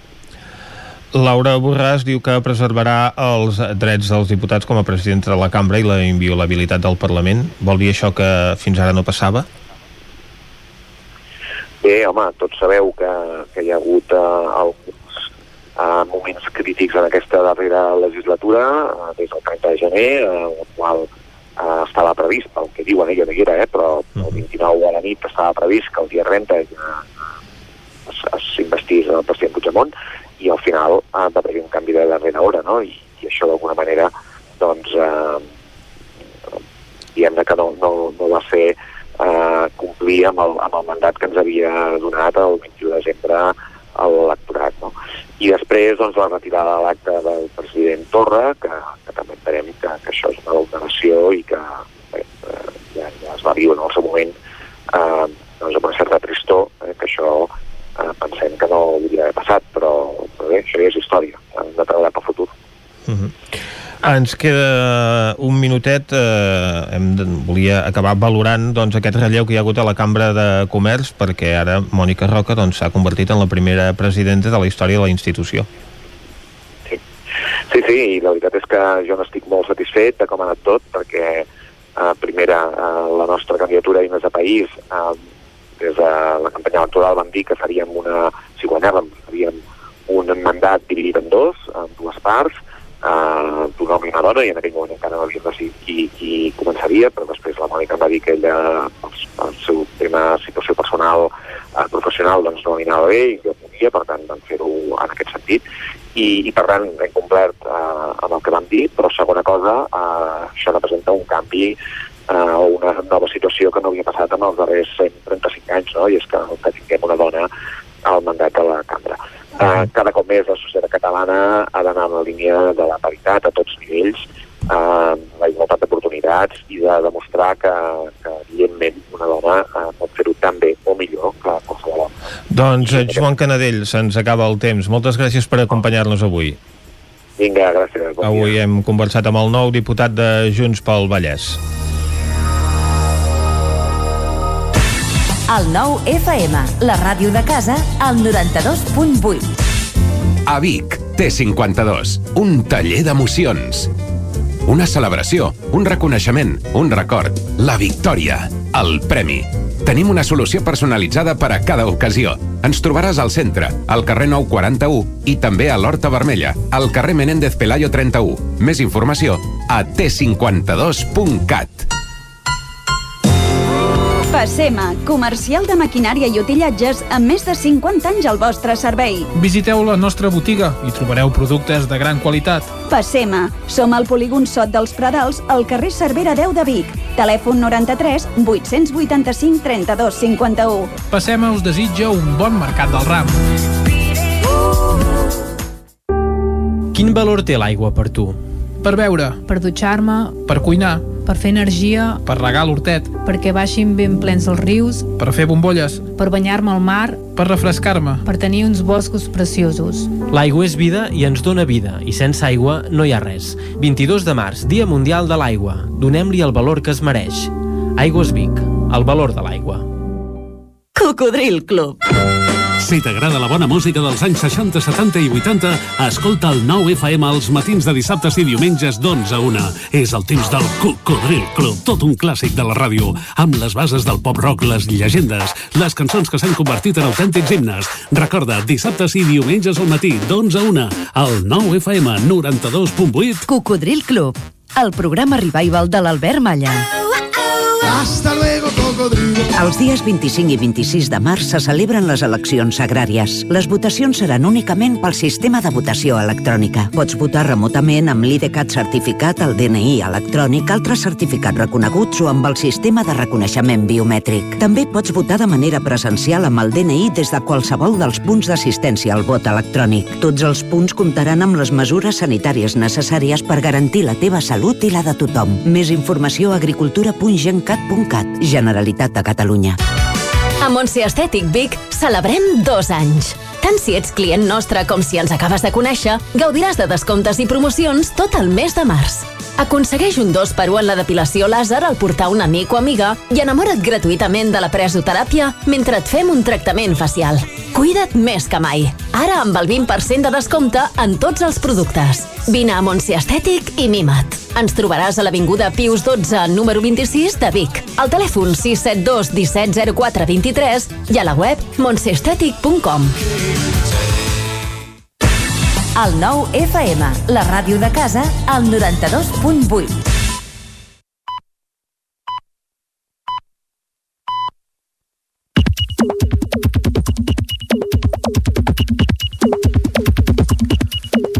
Són dos quarts d'onze, ens visita ara l'Isaac Moreno amb els tuits de la jornada. Isaac, bon dia. Oi, bona hora. Què has trobat? Cosetes diverses. Uh, Teresa Rossell diu Jo de gran no vull ser Íñigo Errejón Pobre home Uh, Dani Blasi, des de Vic, Dani Blasi Babot, uh, usuari pastor català, obre un fil uh, que comparteix amb una imatge que diu la Guàrdia Urbana de Vic retirant bicicletes encadenades als aparcaments de bicicletes del barri del Remei sense previ avís. Obro fil. Uh -huh. Veig com s'enduen bicicletes amb les rodes inflades i amb seient. Tallen el cadenat i s'enduen la bicicleta. Arriba un noi i demana que li tornin la seva. Li descarreguen i marxa pedalant amb el cadenat trencat a les mans.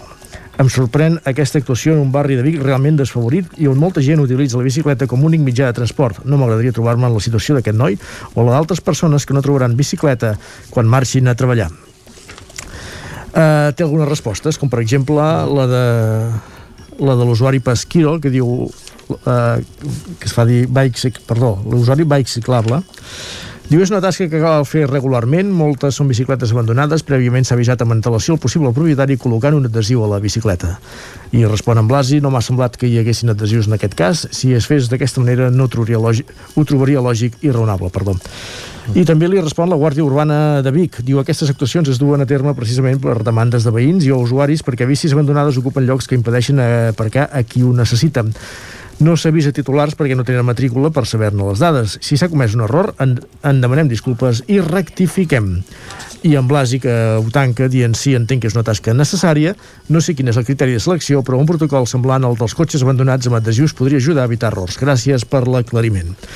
Acabat el fil, eh, ho repiula i comenta també Osona Bici, que diu... De, eh, pam, pam, pam, és important que es mantinguin els aparcaments de bici en condicions, agraïm la tasca, tot i que es demanem que el sistema de bici sigui de mínim 15 dies.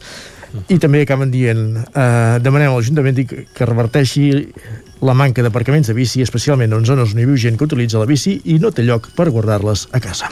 Però doncs sí que duren les bicicletes que estan aparcades a Vic, no? Sí. 15 dies és molt. Mira que a vegades t'alerten vigilant, la deixes que te la roben, tu, Exacte. i aquestes es passen no? dies i dies allà. Sí, sí.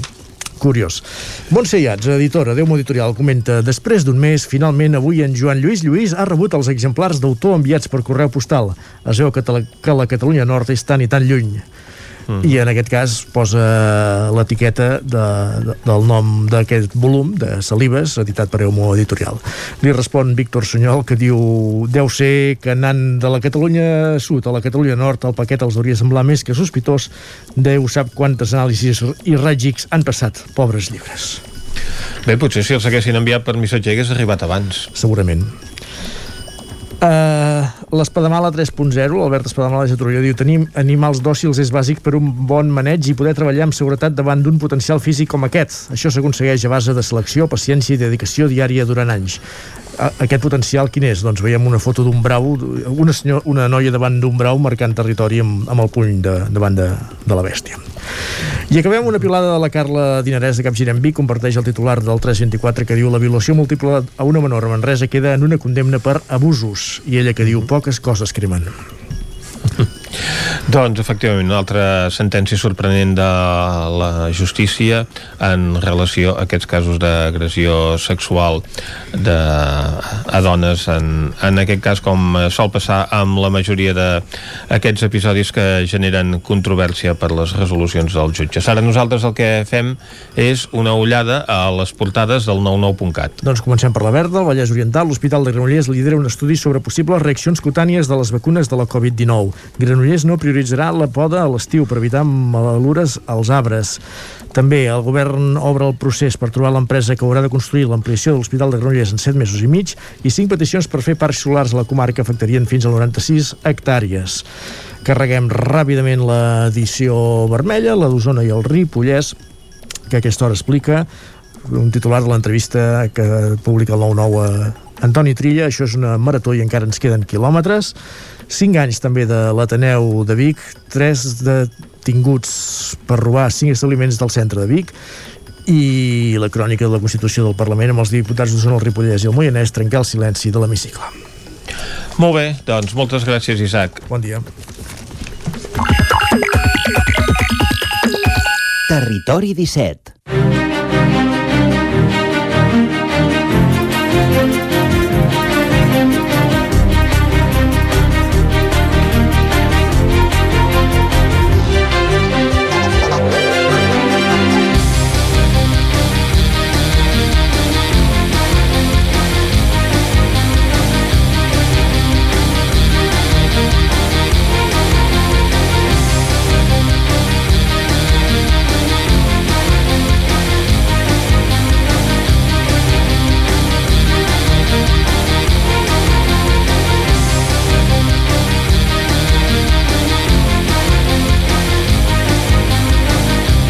És hora ara de la taula de redacció, quan passen 6 minuts de dos quarts de 11 del matí al Territori 17 i el que farem en primer lloc és parlar de l'Escola de Música de Torelló, que passarà a ser municipal. Correcte. Bé, ara mateix hi ha una escola de música que ja fa anys que funciona, que en teoria és municipal, però qui importa la gestió és eh, precisament la Fundació de l'Escola de Música de Manlleu, és a dir, que el servei d'Escola Municipal de Música de Torelló, diguem que l'oferta la Fundació la mateixa bé, empresa de titularitat municipal, això sí, perquè aquí la presideix és l'alcalde de Manlleu, Àlex Garrido, doncs eh, el model que hi ha d'Escola de Música de Torelló és que és una espècie de concessió que d'aquí un any i mig aquesta concessió s'acaba, és a dir, a finals d'aquest any es farà una pròrroga perquè durant el curs vinent l'Escola de Música de Torelló continuï funcionant com fins ara, però a partir del curs següent sí que la voluntat és remunicipalitzar totalment l'escola, per tant,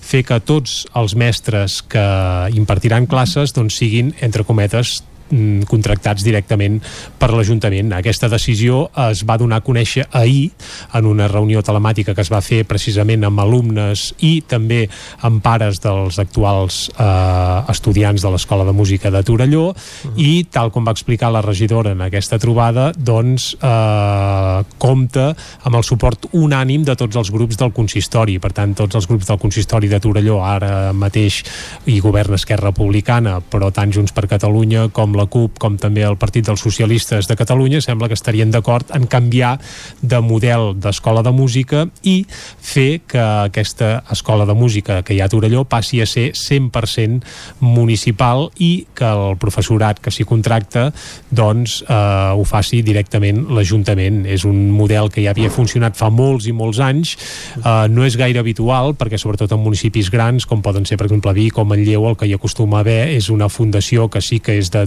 titularitat municipal, presidida per l'alcalde, en presència de regidors, etc etc, però no deixa d'estar regida per fundacions. En canvi, a Torelló sembla que s'apostarà per aquest nou model.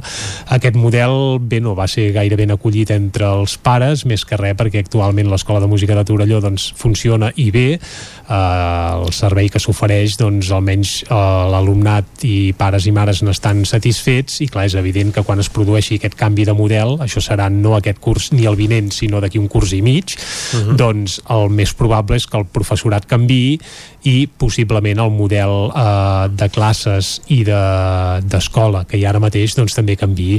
Però clar, això caldrà veure-ho. De moment l'Ajuntament, des de l'Ajuntament de Torelló es tenien la mà a tot el professorat i també a pares i mares per fer aquest camí junts i per tant poder-ho eh, dur en, de la millor manera possible entre tots plegats. I eh, part d'aquest anunci de del canvi de model de gestió de l'Escola de Música de Torelló, doncs tot plegat va venir també de bracet amb un altre anunci, i és que l'Escola de Música també de Torelló doncs no té seu, no té seu, uh -huh. perquè des de fa uns quants anys doncs diguem que divaga d'un lloc a l'altre. Ara mateix les classes s'imparteixen a l'escola Doctor Fortià Solà, és a dir, a una de les escoles públiques que hi ha a Torelló, quan a les 5 de la tarda s'acaben les classes convencionals, doncs hi comencen les classes de música a les mateixes aules on abans s'han impartit doncs, les classes. Per tant, és evident que això no és el millor per al funcionament de l'escola i això sí que és una demanda que tant el professorat com també pares i mares ja fa anys i panys que s'arrossega i bé, no és de, ni d'aquest mandat sinó de l'anterior, és a dir que fa una dotzena d'anys que s'arrossega aquesta mancança de local. I la nova escola de música ja hi ha decidit on anirà a parar i és precisament al cim de la biblioteca dos Rius, és a dir, a la plaça Vella de Torelló eh, bé, el, el que és el, el club on abans hi havia el club, tothom ho coneix una mica com el club, doncs a la planta baixa ara mateix hi ha la Biblioteca dos Rius i a la primera planta i a la segona s'hi ubicaria aquest espai per la futura Escola de Música de Torelló. El projecte ja està en dansa i eh, sembla que les classes en aquesta escola tampoc començarien el curs vinent, això sí, és dir, el curs que ve encara es faria el Fortià Solà com es fa ara, però hi hauria eh, ja l'esperança que d'aquí un parell de cursos sí que ja es pogués començar eh, bé, coincidint també amb el nou model d'escola que entraria en funcionament, doncs també hi hauria l'estrena d'aquesta nova seu. Tot això es va donar a conèixer ahir, com dèiem, amb aquesta reunió que es va mantenir tant amb professorat actual de l'escola com també amb pares i alguns alumnes i també es va parlar de que es vol uh, fer una escola molt més oberta que també ofereixi activitats per adults que no vagi adreçada només a infants i bé, tot plegat sembla que respon a un canvi de model de gestió que recordem-ho, compta amb el beneplàcit i el vistiplau de tots els grups de l'Ajuntament de Torelló, per tant sembla que seria un model que comptaria amb la unanimitat si més no dels grups eh, que ara més mateix hi ha representats a l'Ajuntament torellonenc, no així entre els pares i mares que ahir van muntar el, van, vaja, van deixar vaja, de notar els seus concert, recels eh? sí, digue, diguem que sí la, la decisió no va ser gaire ben acollida sobretot, és a dir, més que pel model doncs clar, eh, l'Escola de Música de Torelló ha estat una muntanya russa els darrers anys i ara que semblava que hi havia un model més o menys consolidat de professorat eh, amb creixement cal dir que sostingut, eh? és a dir, el creixement uh -huh. no, ha, no ha estat extraordinari però sí que mica en mica s'ha anat reforçant fins i tot en l'any passat amb què mig curs es, fa, es va en pandèmia Uh -huh. doncs el mateix Consell Escolar de l'escola va remarcar el gran esforç que havien fet els professors per mantenir les classes en línia, poder seguir fent uh, classes per, bé, gairebé particulars, sobretot amb l'alumnat que feia instrument, és a dir, que en aquest sentit uh, diguem que el sotrac de, del confinament s'havia passat amb nota per part uh -huh. de l'Escola de Música de Torelló, però bé, eh, hi haurà un canvi de model que arribarà d'aquí un any i mig i també coincidirà amb un canvi de seu uh -huh. i això és el que es va explicar ahir en aquesta reunió telemàtica entre la regidora Núria Montanyà, regidora d'Ensenyament de l'Ajuntament de Torelló i uh -huh. tant el professorat com els pares i tot l'equip que forma part de l'Escola de Música que recordem-ho actualment qui la gestiona és precisament la Fundació de l'Escola de Música de Manlleu que uh -huh. també s'encarrega de dur a terme les classes i l'activitat a Torelló. Doncs l'Escola de Música de Torelló que passarà a ser de gestió municipal amb el suport de tots els grups de l'Ajuntament. Recordem doncs, que la majoria d'aquests grups que estan a l'Ajuntament una hora o altra han governat i per tant han hagut de fer front també doncs, al funcionament d'aquesta Escola de Música que com ens deia en Jordi doncs, ha tingut els seus problemes al llarg dels anys i actualment doncs, estava en una situació doncs, d'estabilitat i de millora de l'alumnat també.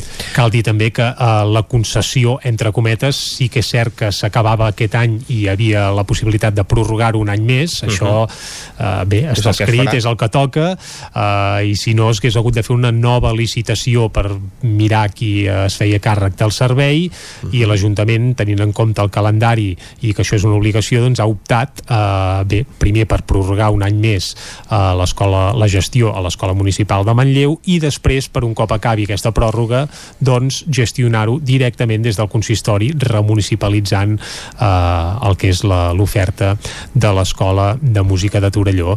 Una escola que un cop s'ubiqui al club, la intenció i la voluntat de l'Ajuntament és que tot l'espai del club, recordem que allà hi ha molts metres quadrats de, bé, anava a dir per edificar no, perquè edificat ja ho està, però sí que per acollir eh, diferents activitats, doncs la voluntat de l'Ajuntament seria que allí també s'hi encabís l'Escola Municipal d'Arts Plàstiques i Dibuix eh, i que tot plegat conformés un conglomerat i un malic cultural on s'hi sumés la biblioteca, l'Escola de Música, l'Escola d'Arts Plàstiques i per tant convertir aquest espai de Torelló en un malic cultural del municipi. Que avui Llimbé s'hi han de posar l'escola de música al costat Ah, sí. d'una biblioteca. Bé, la, la veritat és que veïns també n'hi ha pocs, eh? I també hi ha la voluntat de posar-hi bucs d'assaig. Per tant, uh, sí, evidentment hauran d'estar ben aïllats, que si no a la biblioteca estarien ben, uh, Ben distrets. ben distrets, i tant que sí. Molt bé, doncs eh, moltes gràcies Jordi. Nosaltres passem ara de la música a la literatura. Territori 17 Doncs quan són tres quarts d'onze del matí, com bé dius Vicenç, eh, parlem ara de literatura i això és perquè ens toca endinsar-nos en lletra ferits, que avui ens arribarà des de la veu de Sant Joan, oi?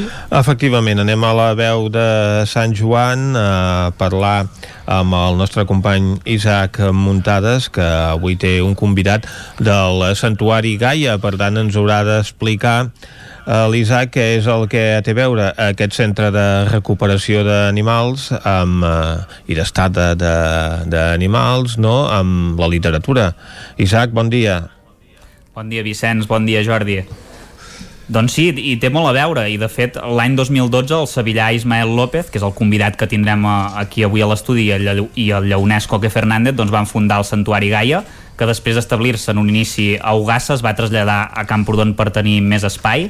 La missió principal del Santuari Gaia, com heu comentat, consisteix a salvar animals que necessiten ajuda, sigui perquè han estat eh, maltractats o abandonats, i allà els alimenten i els cuiden, també intenten donar-los doncs, tot l'espai que necessiten perquè tinguin una vida tan natural i segura com sigui possible i a més també promouen el, el veganisme ells fan doncs, una alimentació 100% vegetariana, es vesteixen amb materials que no són d'origen animal, no utilitzen productes que s'hagin experimentat doncs, en animals i no assisteixen en espectacles on hi hagi animals. I avui a l'estudi, com comentàvem, teníem nosaltres l'Ismael López, perquè no fa gaire que ha escrit el llibre Animales como tú, de Duomo Ediciones, amb 230 pàgines on parla de les experiències que ha compartit amb els animals al llarg de la vida i per tant amb ell parlem ara mateix. Bon dia i moltes gràcies per acompanyar-nos, Ismael. Hola, bon dia. Per posar-nos en context amb la gent, Ismael, des del 2012 fins ara, quants animals han passat pel santuari aproximadament, de, dels que heu salvat i quin tipus d'an- d'animals són? Pues hemos salvado a más de 1.500 animales a lo largo de, de estos ocho años y actualmente viven unos 500. Quina classe d'animals són aquests que teniu? Pues a- animales considerados de granja. Porcs, eh, vaques, eh, gallinas, eh, patos, cabras, ovejas, vedell... Molts d'aquests molts d'aquests animals doncs, eh, venen al santuari després d'haver estat maltractats durant molt temps. Quin procés de recuperació feu perquè confiïn en vosaltres? Expliqueu-nos una mica el procés des de quan un animal arriba al santuari Gaia fins als, als següents mesos no? per adaptar-lo doncs, a, a la vida d'aquest santuari. Sí, pues la verdad que es un proceso bastante complicado y largo porque, claro, dependiendo de la historia de maltrato que, que hayan tenido, ¿no? Dependiendo de las situaciones en las que vengan, normalmente cuando vienen de situaciones de decomisos, ¿no? donde las autoridades han puesto en contacto con nosotros para que nos quedemos con esos animales, eh, siempre cuando llega un animal lo tenemos en un espacio que se llama un espacio de cuarentena, ¿no? donde ahí lo tenemos un tiempo que aunque vengan ya con todas las analíticas hechas, nosotros hacemos más analíticas aún de las que nos pide el Departamento de Ganadería, ¿no? Porque porque hay que, mm, no solamente se mira la- las enfermedades declaradas obligatorias, ¿no? sino nosotros miramos más allá, ¿no? por su salud ¿no? en el completo. Y es un proceso bastante lento hasta que vuelven a confiar y muchos de ellos no, no consiguen confiar en, en nosotros. És un procés de mesos, oi? Vull dir que sí, Sí. sí que a alguns eh, els hi costa no tornar a confiar en l'ésser humà, sobretot perquè això que comentàvem, han estat eh, maltractats o en granges fins i tot en condicions una mica infrahumanes en alguns casos. Sí, sí, lo, lo que sí les cambia, lo que sí les cambia es siempre la mirada. Eso sí que es verdad, ¿no? La mirada se le transforma, ¿no? Pero el que confía en nosotros, la inmensa mayoría sí que con el tiempo lo consigue, pero hay, es como los humanos, ¿no? Hay humanos que conseguimos superar los traumas y otros que no, ¿no? Pues somos iguales. Como dice el libro, animales como tú, ¿no? Que no somos diferentes. I quin és el dia a dia de la vostra feina al santuari? Quan, quan et lleves tu, Ismael, no sé què, què hi feu, quanta gent sou allà treballant, quines tasques feu? Pues actualmente estamos viviendo unos 10, o sea, estamos aumentando la población en Camprodón, en la comarca, ¿eh? Somos unos 10 o 11, ya no sé. Y ahora, justamente, nos han dado el sello de, de voluntariado europeo, que muy pocas organizaciones lo tienen en España, y nos lo han dado a nosotros. Y a partir del mes que viene van a empezar a venir voluntariado de todas partes de Europa, que va a ser la Unión Europea la que, le- la que les pague la estancia y todo, para que puedan venir a hacer un voluntariado con nosotros y poder eh, aprender de cómo tratar a los animales. O sea, que está siendo toda una experiencia, ¿no? porque es, mu- es mucho el trabajo que en el santuario es muy diferente, ¿no? Como el del cuidado de los enfermos, la alimentación, la limpieza, el estar pendiente de las redes sociales, hacer entrevistas como estas, ¿no? Es mucho la- la- el trabajo y muy diferente, ¿no? Entonces somos muchos ahora en el santuario, por suerte, que estamos pudiendo trabajar para dar voz a los animales. Anem al llibre. Aquesta obra pretén que la gent canvi la seva manera de veure els animals. Fins i tot tu, abans de fundar el Santuari Gaia, no eres vegà. Com ha anat tot aquest procés? Pues a mí me encantaba la carne y el jamón serrano. Como sevillano siempre tenía la pata de jamón en la cocina y yo mi tostadita. Con jamón serrano me encantaba. Pero un día fui a una manifestación antitaurina en Palma de Mallorca, porque yo he vivido allí 13 años, antes de venirme aquí a Cataluña, donde ya llevo 9. O sea, ya soy catalá, catalá, ¿eh? eso no se me puede discutir. y, y allí fue mi primera manifestación antitaurina y una mujer mayor que iba a entrar a ver la corrida de toros me dice, tú mucho defender a los toros, pero bien que te comes a las vacas. Y me dejó todo callado. No sabía qué decirle, me entré en una crisis ese fin de semana y me hice vegano. Y así fue como el proceso, ¿no? Por eso yo nunca puedo decir, no puedo juzgar a nadie porque no sea vegano o sea vegetariano, ¿no? Cada uno tiene su proceso, ¿no? Y hay gente que no se hará, ¿no? Y este libro lo hice, lo escribí durante el confinamiento, ¿no? En ese espacio de tiempo donde estuvimos todos hacinados, ¿no? Eh, encerrados en nuestras casas, eh, con la ilusión, la esperanza de que el mundo iba a cambiar, ¿no? Y este libro está escrito con esa esperanza, ¿no? De, de como de un mundo mejor, ¿no? Y por eso yo creo que está hecho también con tanto sentimiento, ¿no? Porque fue un momento como, bueno, todos estábamos muy sensibles, ¿no? Por aquella, durante el confinamiento. Mhm. I al llibre s'hi expliquen històries d'algun dels animals que heu rescatat. Uh, com va començar tot plegat? El santuari com comença? Quin és l'inici? Que ho expliques aquí. Pues el inicio eh, comienza porque Coque y yo nos hicimos una promesa cuando nos conocimos y nos dijimos que queríamos dedicar nuestra vida a salvar animales. Y apareció un caso por las redes sociales de una cerda que se llama Palma, que vivía en Valencia, donde había 60 perros, que 30 de ellos murieron de hambre, y 6 cerdos y 3 de ellos los habían matado. Y dijimos, bueno, vamos a ayudar a esta cerda, aun- aunque sea uno. Y cuando la rescatamos, a la semana tuvo a seis bebés y claro, donde vivíamos no podíamos tener tantos cerdos. Y nos lanzamos con el proyecto y nos vinimos a Ogasa, que fue el inicio de todos los santuarios, fue en Ogasa, aquí al lado de San Joan de las Abades. Sí, sí, que de fet, eh, abans m'ho comentaves, abans d'entrar en el programa, que heu fet molta vida aquí a Sant Joan de les Abadeses, realment. Cada día veníamos a San Joan de las Abades, a donde comprar, donde, donde hacíamos vida. Y por eso en el libro también hablo de, de San Joan. Ha, sido, un- eh, ha sido muy importante y lo sigue siendo muy importante. La gente de Sant Joan siempre se ha portado muy bien con nosotros. A cadascun dels animals els hi poseu un nom i n'hi ha un al qual li teniu una estima molt especial que és en Samuel. Què, què n'expliques d'en Samuel al llibre? Ay, pues Samuel es...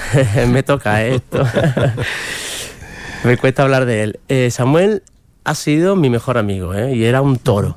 Nosotros lo rescatamos con días de vida de una granja lechera porque cuando nacen machos los envían al matadero porque no se pueden explotar para, para vender su leche. Y nos lo cedieron en la granja porque se estaba muriendo. Y me pasé eh, más de un mes durmiendo con él toda la noche para estar pendiente de, de él, para que mejorara. Y eso estableció una conexión muy fuerte con nosotros y a mí me ayudó a aprender a conocer ¿no? cómo, cómo son las vacas y los toros, ¿no? que son estos grandes desconocidos. Y cuando no son tratados como se trata en las explotaciones, como- cuando se trata como no igual, eh, aprende de ellos y es que tienen un lenguaje, saben comunicarse. eh, y había una conexión entre nosotros que, bueno, que traspasaba las redes sociales, ¿no? Porque nosotros que lo contamos, tenemos más de un millón de seguidores por las redes sociales y veían esa conexión, ¿no? Y se hizo muy famoso y salió en muchas televisiones de todas partes del mundo, ¿no? La historia de Samuel. Mhm. Ara ho comentaves, eh, aquesta connexió amb les vaques, precisament també hi ha una altra història de- d'unes vaques a Galícia, no? Què, Sí. què va passar? Que em sembla que també ho expliques al llibre. Pues eso fue de, de un decomiso, ¿no? Donde habían dejado encerradas a estas vacas y las heces les llegaban a la barriga, no se podían ni siquiera tumbar porque si no se morían ahogadas en sus propias heces, ¿no? Y se hizo el decomiso y vinieron hasta aquí, hasta el santuario, llegaron en muy malas condiciones, pues ya ahora las veis, no se les nota, vamos, son súper felices. Y como ellos, pues cientos de casos que, que nos llegan, ¿no? De decomisos. Ahora, justamente esta semana, nos van a llegar cinco vacas más de, también de un decomiso, de aquí, de Cataluña. Què ha passat en aquest últim de, de comís? Què, què ha passat aquí a Catalunya? Ta- me- también lo mismo, abandono, que las dejan en mal estado, que no las cuidan, las maltratan y eh, bueno, es nuestro pan de cada día, la verdad. Mhm. Si et sembla bé, Ismael, eh, ens podries llegir un fragment de, del llibre perquè els nostres oients puguin veure una mica més de què van. Sembla que has escollit un tros de, de Sant Joan de les Abadeses, Sí, oi? sí, porque me hace mucha ilusión, la verdad, porque tengo mucho cariño aquí a San Juan y echo mucho de menos el poder venir, porque ahora como estoy más retirado no vengo tanto. Eh, comenzaron a llegar muchos veganos a ver el santuario, tantos que en el único bar que había en casa hicieron un menú vegano, incluso con crema catalana vegana. Como también era un hostal, los visitantes se quedaban allí a pasar la noche y en el desayuno pedían café con leche vegetal. En el pueblo de al lado, de las Abadesas, la pastelería Salvat comenzó a hacer pasteles veganos y al anunciarlo nosotros empezaron a recibir pedidos de todas partes de España y hasta de otros países de Europa. En Navidad se dedicaron a hacer turrones veganos que hoy le siguen encargando. Otros establecimientos, al ver que el pueblo se llenaba de veganos los fines de semana, incluyeron en sus menús hamburguesas, salchichas y pizzas veganas. Lo mismo sucedía en los pueblos cercanos. A los bares ofrecían leche vegetal, que les dábamos un cartel con la foto de Samuel y el texto Este comercio es amigo de los animales. ¿no? Resultó toda una revolución para una comarca que irónicamente es ganadera. Pero claro, eso también nos hizo tener más enemigos, que solo deseaban que nos fuéramos. Pero eso por suerte es lo mínimo, ¿no? Porque eh, aquí nos han tratado siempre con mucho cariño. Y además hay que verlo, cuando he llegado a San Joan, la gente parándome en el pueblo, pero me emociono. Ara el tenim emocionat, eh, l'Ismael? Bé, és normal, no?, aquesta connexió doncs, que hi ha entre els cuidadors d'aquests animals al eh, santuari Gaia i totes aquestes històries, doncs, que també podem dir històries humanes al, al capdavall, perquè del que es tracta és de que les persones intentin doncs, salvar els animals que pateixen algun maltractament i que siguin cuidats com es mereixen. Sí, claro, nosotros hemos tenido algunos problemillas, ¿no? Pero es que eso es lo mínimo, es lo que hace más ruido. Pero aquí la mayoría de la gente, la inmensa mayoría desde aquí de la comarca, nos tiene un aprecio, nos tiene un cariño, nos trata con un amor. Que es que nada más hay que verlo cuando vamos por la calle, cómo, cómo se viene a acercarnos, a abrazarnos, a darnos ánimo por todo. Y es súper bonito lo que estamos viviendo nosotros aquí en la comarca con la gente, con la, gente, la verdad. De fet, ara t'anava a preguntar eh, el tema aquest de, de si havíeu tingut alguna problemàtica, a vegades per això que comentaves, eh, que és una comarca, el Ripollès eminentment ramadera, no? de, de, vinculada al sector primari. Em sembla que fa molt de temps també hi va haver-hi un problema amb un tancat que es va colar doncs, un, un gos o sí. una espècie d'animal. Allà potser va ser el moment més àlgid eh, d'això. Sí, que nosotros el problema que tuvimos es que entraron los cazadores al santuario y no mataron a nadie, a una oveja que, que teníamos. Pero es que, claro, es que eso es para que te dé rabia. A cualquiera de nosotros entra en vuestra casa y os mata a vuestro perro o vuestro gato, ¿cómo sentiríais? Pero eso es lo mínimo, ¿no? Y cuando se dice que si una comarca ganadera, yo no estoy de acuerdo, porque aquí la mayoría de la gente de la comarca no se dedica a la ganadería, ¿no? Aquí se dedica, aquí se vive del turismo y justamente eh, nosotros lo que hacemos, eh, el turismo que viene aquí lo que viene buscando es la naturaleza, ¿no? El amor a la naturaleza, el respeto a los, a los animales y es justamente lo que nosotros estamos dando, dando a ese turismo que, que viene al Ripollé, ¿no? Y nosotros que estamos trayendo turismo de, de, de, de amor a la naturaleza, amor a los animales, un respeto. I us heu sentit eh, ajudats per les institucions de la zona perquè recorren a vosaltres quan tenen una necessitat, però no sé si vosaltres doncs, també us heu sentit No. ajudats per ells al moment que No, no, heu no, estat vosaltres els que teníeu la necessitat, no? Para nada, para nada. O sea, mira, sin ir más lejos, eh, nos tienen como silenciados, ¿no? Nos tienen como... Mira, hace un mes eh, eh, en las Naciones Unidas eligieron un vídeo mío donde yo hablaba de la ermita de, de Salarsa en Camprodón, ¿no? Y lo han elegido y es el único monumento, edificio de toda España que está en las Naciones Unidas. Y, y eso no ha sido noticia en Camprodón ni ha sido noticia en la comarca. ¿Por qué? Porque viene de parte de Ismael, del santuario. ¿Me entiendes? Siempre como se, lo- se nos silencia como si no existiéramos, ¿no? Cuando nosotros, hasta mira, hasta hemos sido capaces de llevarlo hasta las Naciones Unidas, ¿no? Y estamos dando a conocer siempre a la comarca, a el pueblo. Y con nosotros se nos silencia, como si diera vergüenza que estamos aquí en la comarca. Pero esos son los políticos, ¿eh? Porque la gente de la comarca no es así. Tot i així també m'ho comentaves, eh? Com l'alcalde actual de Camprodon Sí. ha, ha canviat la, la cosa, eh? Sí, sí, la verdad que ha sido la primera vez desde que estamos en Camprodón que en una nevada el alcalde, se ha- este alcalde se ha preocupado y ha venido a ayudarnos porque en otras veces hemos estado hasta 10 días incomunicados y nadie se ha preocupado de nosotros. O sea, la cosa está cambiando. Pero es que la verdad nosotros lo que estamos haciendo es salvar animales, no nos metemos con nadie. ¿no? Entonces estamos haciendo una buena labor, una labor encima bonita, ¿no? Que, que- que a la comarca la, la enriquece también, ¿no? Porque no es que se está, se está haciendo algo que está cambiando el mundo, ¿no? Que está cambiando las conciencias, ¿no? Y es algo de lo que está realmente orgulloso de tener aquí en la comarca, ¿no? I el llibre eh, és en castellà, però m'has comentat que sembla ser que hi haurà algunes traduccions. Ha venut bé, a més a més, eh, també? Sí, a mí me encantaría que estuviera en catalán, porque para eso estoy en Cataluña, ¿no? Y, pero claro, la, la editorial primero quiso ver eh, cómo funcionaba en cómo funcionaba el libro, ¿no? Y por eso primero lo sacó en castellano. Y bueno, ya se ha visto que ha sido un éxito, que antes del mes ya se tuvo que sacar hasta la tercera edición y ahora el mes que viene ya llegará a Sudamérica y bueno, ahora se está trabajando para sacarlo en, en catalán y al inglés también. Uh -huh. Molt bé, doncs Ismael López, esperem aviat doncs, que arribi aquesta versió en català Animals com tu, no? que serà el títol en català d'aquest llibre que acabem de presentar sobre el santuari Gaia de Camprodon. Moltes gràcies per acompanyar-nos. Gràcies a tu. Nosaltres deixem aquí aquest espai dedicat a la literatura i tornem a recuperar la informació general.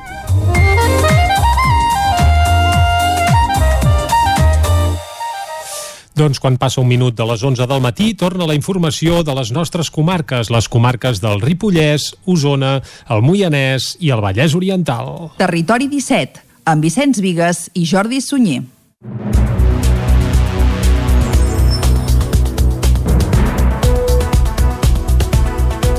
La suspensió cautelar de la vacuna d'AstraZeneca contra la Covid-19 decretada aquest dilluns va motivar que aquest dimarts ja no es vacunés al recinte firal del Sucre, l'espai d'Osona, que es va habilitar per administrar-la. El Sucre tanca temporalment com a centre de vacunació i en els propers dies s'hi treballarà per millorar aspectes com els circuits interns i la senyalètica perquè estigui a punt quan el vaccí es pugui posar de manera massiva.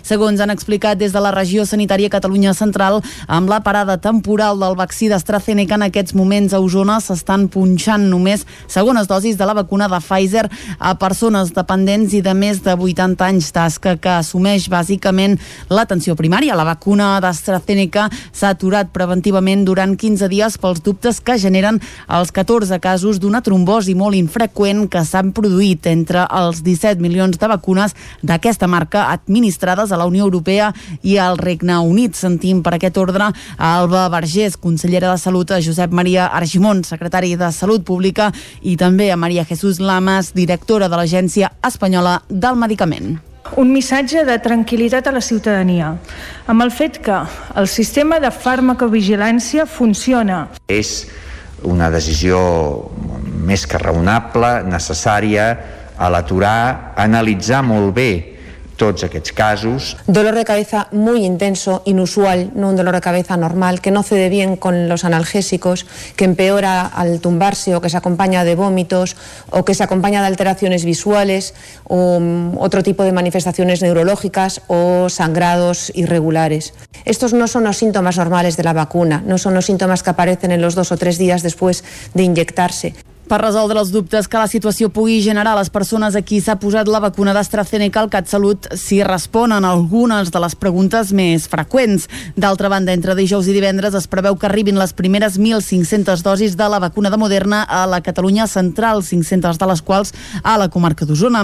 S'administraran a l'Hospital Universitari de Vic a partir de la setmana vinent i es destinen a persones amb fragilitat, sobretot pacients que han estat trasplantats i dels quals el centre en fa seguiment. L'Hospital Bigatà atén unes 900 persones en situació de fragilitat. Un acte institucional a Caldes de Montbui analitza les dades a nivell municipal del primer any de convivència amb la Covid. Caral Campàs, des d'Ona Codinenca. Coincidint amb l'efemèride, Isidre Pineda, alcalde de Caldes, va analitzar en una roda de premsa aquest dilluns les dades del primer any de convivència amb la Covid. A mesura que avançaven els mesos van seguir les anul·lacions d'actes com l'escaldàrium, tot i que, a poc a poc, l'Ajuntament va trobar alternatives com la d'embotellar el brou de Nadal, que no s'ha pogut coure i servir a la tradicional fira d'artesans. Més enllà d'això, l'alcalde va voler destacar els projectes que el govern local ha tirat endavant malgrat els efectes de la pandèmia. En concret, va destacar els dos processos de participació ciutadana que s'han dut a terme en l'últim any, el que fa referència a l'habitatge jove que es vol construir davant del Parc Romà Martí i el que gira entorn de la creació del Pla d'Acció Climàtica local.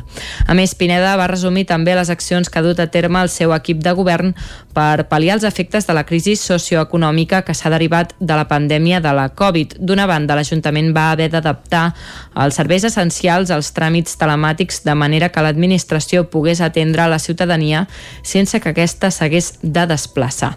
En qüestió de 48 hores de la declaració del confinament, el Departament de Tecnologies de la Informació va haver d'habilitar, va habilitar fins a 80 llocs de teletreball per donar resposta als serveis essencials en els dies més crítics de l'estat d'alarma. Pel que fa a educació, l'Ajuntament també va donar suport logístic a les escoles de la vila perquè tothom pogués acabar el curs passat en les mateixes condicions. Ha fet diferents intervencions d'urgència, com connectar a 127 famílies i repartir 41 lots de material escolar bàsic durant el confinament domiciliari. Finalment, l'alcalde va compartir el compromís del govern municipal de seguir treballant per pal·liar els efectes de la crisi de la Covid. També va avançar els principals eixos que treballaran a partir d'ara, com per exemple la inversió en infraestructures públiques que, segons el govern d'Esquerra Republicana, ha de ser el motor de reactivació econòmica i, per tant, les retallades no hi tenen cabuda. Adif enllesteix i presenta l'estudi del projecte executiu per cobrir la via del tren a Granollers. Ho informava l'alcalde, Josep Mayoral, a la presentació de la modificació del Pla d'actuació municipal la setmana passada. David Auladell, de Ràdio Televisió, Cardedeu. En el primer bloc, l'alcalde situava com a element central les inversions ferroviàries i avançava que aquesta setmana l'Ajuntament ha rebut el nou projecte executiu de la cobertura de la línia del tren entre els carrers Agustí Vinyamata i Josep Humbert, que DIF va encarregar al febrer de 2020 amb un pressupost de 89.000 euros i que permetrà entrar en la fase de debat per concretar un conveni urbanístic que permeti desenvolupar-lo. En aquest sentit, el 22 d'abril s'ha fixat una reunió tècnica per posar en comú les consideracions d'aquest projecte bàsic i iniciar el camí per arribar a acords sobre la viabilitat tècnica i econòmica. Caldrà trobar un equilibri per poder tirar endavant la cobertura, indiquen les fonts de DIF, que recorda que el projecte inclou el trasllat de les instal·lacions que actualment té a DIF al costat de l'estació per alliberar aquest terreny i desplaçar-les en direcció a Montmeló. L'administrador d'infraestructures ferroviàries assegura que caldrà avançar en acords que, en cas de prosperar, desembocarien en un conveni per fer el projecte executiu un cop consensuada la reparcel·lació, el finançament i altres aspectes. Sant Quirze de Besora va acollir dissabte una recollida de firmes per demanar millores a la xarxa de distribució. La plaça de la Comtesa Armacenda de Sant Quirze de Besora acollia aquest dissabte una recollida de firmes per demanar millores a la xarxa de distribució, una iniciativa per donar resposta als talls elèctrics que primer al desembre i i després al febrer van deixar durant hores els veïns del poble sense subministrament. Una situació que va produir diverses avaries a domicilis del poble. Moisès Martínez i Laura Font són veïns de Sant Quirze. El primer tall va ser un tall de 19 hores, que bueno, ens va deixar tot el barri sense llum, i, i més comptant que és un barri amb molta gent, molta gent gran. Llavors la gent es va perjudicar molt i va quedar molt, molt fotuda. La nevera, pues, obrint-la al mínim possible o el congelador perquè bueno, aguantés el que hi havia i bueno, no es va fer res malbé, sí que tenies allò, algun gelat de l'estiu que encara durava i el vaig llançar, va, alguna cosa sí que vaig llançar però no vaig poder aguantar alguna cosa. L'alcalde de Sant Quirze, David Solà, i el regidor de Participació Ciutadana, el republicà Jordi Solà, van ajudar les persones afectades a fer les reclamacions pertinents i van donar resposta als veïns que sí que han reclamat però que han rebut una resolució desfavorable. Sentim a l'alcalde David Solà. A vegades la reclamació que tenim és molt del prejudici que suposa 78 hores sense, tall elèctric, que dèiem, a, a vegades no hi ha una factura que demostri que tu has patit això, perquè realment el, el menjar s'ha fet molt bé, cap dels s'ha fet molt bé, per tant no pots justificar amb una factura real, però sí que a nivell personal tens un malestar, perquè són moltes hores sense llum, hi havia patiment, hi havia nerviosisme, i tot aquest prejudici que han patit les persones s'ha de transmetre. Segurament no, no, no hi haurà una compensació econòmica, que hauria de ser però no hi serà, però almenys que sigui comunicar que aquí hi ha malestar i que han d'actuar com més ràpid millor, perquè això no pot tornar a passar. Solà és optimista, assegura que Endesa, l'empresa subministradora, s'ha compromès a posar fil a l'agulla al problema i a treballar perquè a Sant Quirze s'hi acabin els talls de subministrament. L'Escola Joan Maragall de Ripoll ja disposa d'un pati obert i sensorial, la proposta guanyadora dels pressupostos participatius del 2019. Isaac Muntades, des de la veu de Sant Joan. Aquest dimarts al migdia es va presentar oficialment el nou pati obert natural, viu i sensorial de l'Escola Joan Maragall de Ripoll. Aquest projecte va tenir un cost aproximat de 50.000 euros i va ser la proposta més votada de la partida de 100.000 euros dels pressupostos participatius de l'any 2019 amb 221 vots, molt per davant dels 180 vots que va rebre el Parc Infantil, la zona de pícnic i la millora del Jardí Botànic de la zona de la Devesa del Pla. L'execució estava prevista per l'any 2020, però la Covid-19 en va endarrerir la seva construcció. El regidor i cap de l'àrea de serveis al territori, Joaquim Colomer, va explicar que aquest espai està pensat per nens petits i grans i va enumerar quines actuacions s'hi han portat a terme. Des de la pavimentació del pati de dalt perquè puguin jugar els més grans, s'ha posat doncs, aquests tobogans que baixen des del pati de dalt fins a la banda de baix, tobogans de diferents textures i de diferents elements, també doncs, totes aquestes casetes i jocs interiors, però a la vegada també podem veure doncs, tots aquests eh, jocs pintats a terra, també doncs, amb aquesta part educativa que hi ha al darrere, com podem tindre doncs, aquests jocs, aquest pas de sentits, perquè els nens doncs, puguin experimentar també doncs, la zona de dalt de, de rocòdrom, una zona a la qual doncs, pots participar amb l'agilitat i amb el desenvolupament de, físic de cada persona. La directora de l'escola, Susana Hortós, i la cap d'estudi, Natàlia López, van explicar com és aquest pati i com es divideix perquè l'utilitzin tots els alumnes de forma segura. És un pati viu natural que fem servir els aprenentatges que perquè pensem que tots els nens aprenen jugant. Hem partit el pati de baix que fan pati infantil i després en un altre horari abans fan Thank you. Cicle inicial i tercer. I el pati de dalt fa quart, cinquè i sisè. És un espai educatiu, inclusiu, que afavoreix les relacions socials entre els alumnes, la convivència i que dona possibilitats a la creativitat de cada alumne.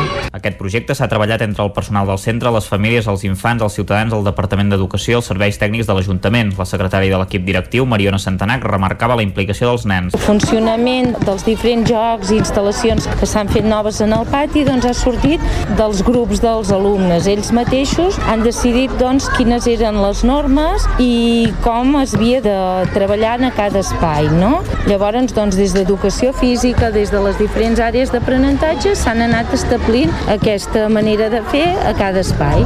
Com que es tracta d'una proposta als pressupostos participatius, quan la pandèmia ho permeti, l'espai s'obrirà perquè tots els nens de Ripoll puguin jugar-hi en horari no lectiu. I fins aquí el butlletí informatiu de les 11 del matí que us hem ofert amb les veus de Vicenç Vigues, Clàudia Dinarès, David Auladell, Caral Campàs i Isaac Muntades. I ara, quan ens queden 3 minutets per un quart de 12, el que ens toca és parlar de territori sostenible, una secció que ens porta cada dimecres al punt d'aquesta hora el nostre company Jordi Givert des d'Ona Codinenca. Anem-hi!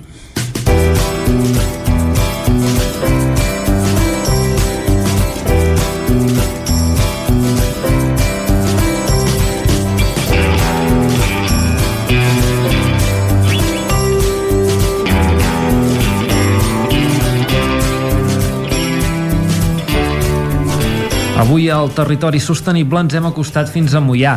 Volem conèixer una de les empreses més antigues de la comarca que es dedica a fer pasta des del segle XIX. Uh, estem amb en Jordi, que és la cinquena generació de, del Soler, d'aquesta família que es dedica a, a fer pasta aquí a, a Mollà. Uh, Jordi, um, bon dia, volíem uh, conèixer-us i, i saber com treballeu i, i com, com, quina és la vostra història. Uh, aneu molt enfeinats últimament? Hola, bon dia, què tal?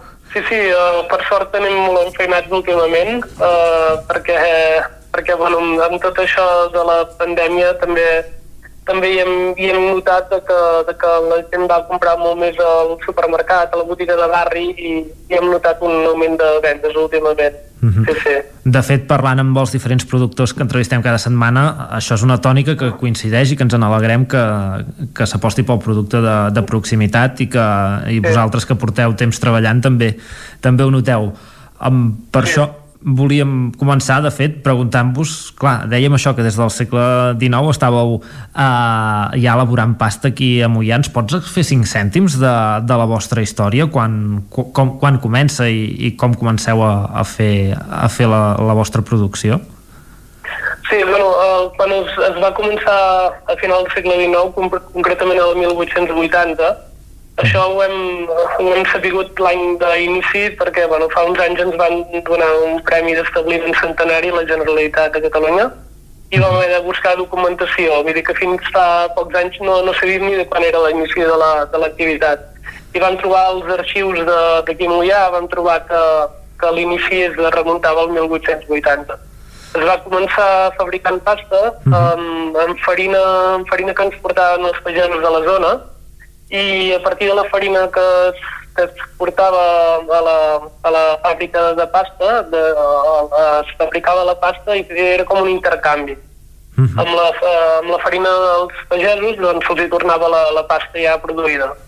Es va començar d'aquesta manera i poc després ja es va, va començar a vendre a les, a les, a les botigues de la zona, però, però bueno, cada, es va anar, cada, cada cop es anava augmentant més el, l'àrea de, de venda. Es va començar d'una manera molt local, sí. després es va començar venent els pobles de, del voltant, fins a Vic, fins a Manresa, cada cop anar ampliant més la, l'àrea de, de venda. I així sí, sí. Heu, heu anat creixent i, i encadenant cinc generacions de, de Soler a la, a, la, a la família, no? O sigui, sí, a l'empresa. Sí, sí, s'ha sigut una producció de pasta ininterrompuda durant tots aquests anys i bueno, han passat moltes coses tots aquests anys i, i s'ha anat resistint sempre, s'ha anat resistint totes les, totes les ah. crisis, totes les, tot el que ha anat passant, vull dir que, que realment ha tot una, tota una proesa. Que de, diu, sí, sí. de fet, uh, per uh, vosaltres, uh, aquesta primera fàbrica és on ara hi teniu la botiga, no? Sí, sí, sí. Uh, es va començar uh, ben just al centre del poble, al carrer del Comerç d'aquí a Mollà. És just al centre on hi tenim la, la botiga actual, que és uh, allà on hi venem tots els nostres productes i altres productes de, de proximitat de la terra del Moianès i sempre s'hi ha venut la pasta allà. Uh -huh. I uh, sobre la botiga, on, a la mateixa casa, Sí. Els pisos de dalt és on hi havia, hi havia l'antiga fàbrica. Fins al 1979 es fabricava allà. Després, el 1979, per, per eh, necessitats de creixement de l'empresa, doncs eh, es va construir una nova fàbrica a les afores del poble. Que és, Però fins... És, és, on, és on esteu ara, encara, en aquesta és, fàbrica? És on estem ara, sí. Uh -huh. sí, sí. Des del 79 estem aquí a les afores i hem anat creixent aquí. Aquí hem pogut créixer, hem pogut anar sempre dins unes dimensions controlades, però, però hem pogut anar creixent segons les necessitats de, de producció. Sí, sí.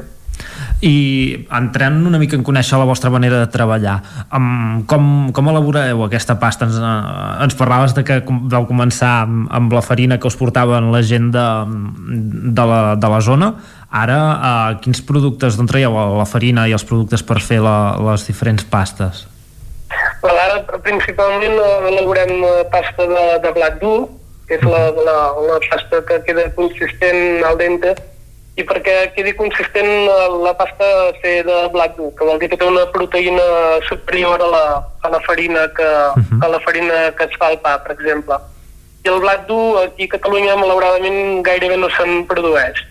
Aquí no, no, no, hi ha, no hi ha cultiu de blat dur. Allà on es cultiva més és Aragó i Andalusia, bàsicament. D'Aragó i on Andalusia. Sí, és allà on ens arriba el, el blat dur que per clima és allà on, és allà on es, es, es cultiva més aquest eh, cereal. Uh -huh. I, i bueno, la somolineria ens porta la sèmola ja preparada i nosaltres la convertim en pasta. I el procés de producció és, és molt senzill. L'únic que eh, s'ha de fer és eh, agafem la sèmola de blat dur Uh -huh. i, af i afegim aigua per fer la pasta, es, es pasta en una pastera, uh, per això rep aquest nom de pasta, Sí. i després l'extrusionem, que li, vol dir que li fem una pressió, una pressió a aquesta pasta i passa a través d'un motlle allà on se li dona la forma. I així ja tenim la pasta fresca. I a partir d'aquí li fem un procés de secat uh, lent, a baixa temperatura, i obtenim el, els, els productes. Tot, tot aquest procés que ens has explicat, eh, pe- pels que no ens hem preguntat mai eh, com es fa la pasta que, que comprem i que mengem cada setmana, eh, quan, sí. quan tardeu a fer el, el, el, quan tarda a fer-se tot aquest procés? Uh, tardem, el, el procés d'explicat és de- d'unes uh, 30, unes entre 24 i 30 hores, més o menys. Vale. I... Sí, és, és, uh, bueno, bàsicament és el nostre, el, la nostra diferenciació, és, uh, el, el, el, l'eix diferencial és que és l'assecat, bàsicament, perquè assecant, uh, assecant així lentament i baixa temperatura, doncs obtenim, obtenim, obtenim un, un producte que d'una textura que quan la cous a la pasta notes el gust de la pasta. Només posant un raig d'oli pràcticament eh, eh, pots assaborir una pasta. Això no, no, es pot fer, no es pot fer en totes. O sigui, llavors, o sigui, entenc que una pasta més, amb un procés més industrial i més ràpid eh, eh, es fa més ràpid i té, un, evidentment, un, un gust més... no es nota tant el gust, diguem-ne. No, no, no, no assaboreixes tant el gust del, del blat. O sigui, òbviament, òbviament és, és bona, però, però no, no pots... Eh, necessites una salsa de seguida. Uh, no, eh, quedaria molt insípida si no, si no afegissis una salsa. Nosaltres en el procés de, de secat uh, uh, a baixa temperatura lentament doncs pots aconseguir que, que la pasta tingui gust. Quan menges aquesta pasta dius, ostres, noto el, el gust del blat. Mm -hmm. És, el, és el, el nostre cavall de, de batalla, com que sigui, és el nostre punt diferencial. I, sí, sí. I entre la vostra línia de, de producció teniu uh, algun producte que sigui ecològic o que estigui certificat o, o, sem o simplement és aquesta manera tradicional de fer-la el, els, els diferents productes i treballeu tots iguals amb, amb ell? Uh, bueno, te- tenim una línia de producció convencional i una altra línia de producció ecològica. I cada, cada vegada més la producció ecològica va, va augmentant. Sí, perquè no, cada, cada cop més el, el, el consumidor final uh, valora més el producte ecològic i sobretot de proximitat. I estem en, en, en, aquest, en aquest camí bàsicament i, i de, entrant en la, en la forma um, quina, què produïu més diguéssim, pasta per, per sopa pasta d'espaguetis, macarrons o, o produïu tot o, i quina, quina se'n ven més uh, per, per vosaltres, quina té més èxit Uh, aquí, aquí a Catalunya són molt clàssics. Aquí el que es ven més en diferència són els macarrons, espaguetis, fideus. Aquests tres són els, els reis, com que diguéssim. Va. I tot i que fabriquem moltíssimes especialitats, uh, aquests sempre han sigut els que s'han venut més. En canvi, tenen així a, a Itàlia. A Itàlia uh, proven molt més, uh, moltes més varietats, agraden més uh, uh, varietats diferents. Aquí som, som molt, en aquest aspecte som molt clàssics. Mhm. Malgrat, malgrat tenim molta cultura de pasta aquí a Catalunya, eh? vull dir que, que tenim moltíssims anys de, de, de cultura de pasta. Justament eh, aquí som de, de la, la, la zona de, de l'estat que, que més, que més, eh, que més cultura de pasta hi ha, perquè ja et dic, a altres zones pràcticament no, no n'hi ha tanta. A finals, no, a fi- a finals del segle XIX, com, com et dic, que no en sabien gaire ni, ni què era la, la pasta. La, Ai. la, la, produ- la producció de pasta, em refereixo. L'únic és, que, l'únic és que som tradicionals, no? Diguem-ne que estem Sí. fixats en, en tres tipus, més o menys, i, i que són els tres que, que consumim. Sí, són els que, que tenen més èxit, sí, sí, sí. I, I ara comentaves això de Catalunya, vosaltres veneu a, a fora? A, a, veneu pasta en altres països, a altres zones de- d'Espanya, o, o és la vostra, el vostre mercat és uh, principalment Catalunya? Principalment venem aquí a Catalunya, però, però després a, a, a Espanya ve- venem a, a través de distribuïdors en altres marques Uh -huh. i després també venem a Portugal i França, bàsicament. Uh -huh. Molt bé, bueno, queden els països fronterers i, i aquí Sí, Catalunya. exacte. Sí, el, els tres països fronterers. Sí, sí. I en, ens parlaves que, que aneu traient algunes línies diferents de marques. Eh, teniu alguna novetat eh, que, que hagueu tret recentment al mercat? Uh, bueno, últimament uh, anem, uh, anem innovant cada vegada més. Uh, anem traient, per exemple, hem tret últimament pasta, una pasta amb algues per, un altre, per algun distribuïdor.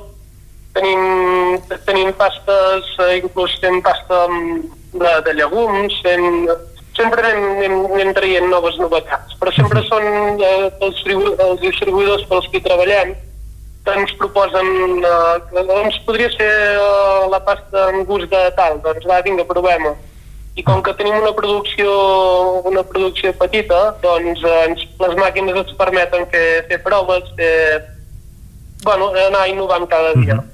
Doncs... En canvi, amb màquines més grans no, no, podríem, eh, no, no, no podríem innovar tant, com que diguéssim. És l'avantatge de ser petit, també. Uh -huh. en, doncs ens n'alegrem que, que també la gent estigui tornant a, a comprar pasta també de proximitat. Per acabar, Jordi, et volia fer una, una pregunta. Um, ens pots recomanar o, o dir-nos quin és el, el plat de pasta que, que a tu t'agrada més per, per obrir una mica de, de boca per, per anar a dinar? Va, la, jo, parlant de la que són molt clàssics, jo sóc el primer que sóc molt clàssic, o sigui, jo dono uns macarrons de tota la vida i, i disfruto moltíssim. I amb un raig d'oli o amb alguna salsa? Ah, no, amb una, amb una bona bolognesa, una Val. bona bolognesa ben, ben feta, de, home, eh, si pots ficar una mica de carn millor, jo per mi sí. el raig d'oli, amb el raig d'oli te'ls pots menjar i no tens molt gust, però hi disfrutes més amb salsa de tomàquet i, bueno, amb una bona bolognesa. Molt bé. Doncs, eh, Jordi, moltes gràcies per, per atendre'ns i descobrir-nos una mica més la vostra manera de treballar i la vostra història. De, sou una empresa eh, centenària que ja aneu cap als 150 gairebé i us desitgem Sí, sí. que, que duri molts anys més. Moltes gràcies. Doncs nosaltres acabem aquí el territori sostenible d'avui us deixem amb els companys que seguiran repassant l'actualitat eh, dels pobles i comarques del territori 17.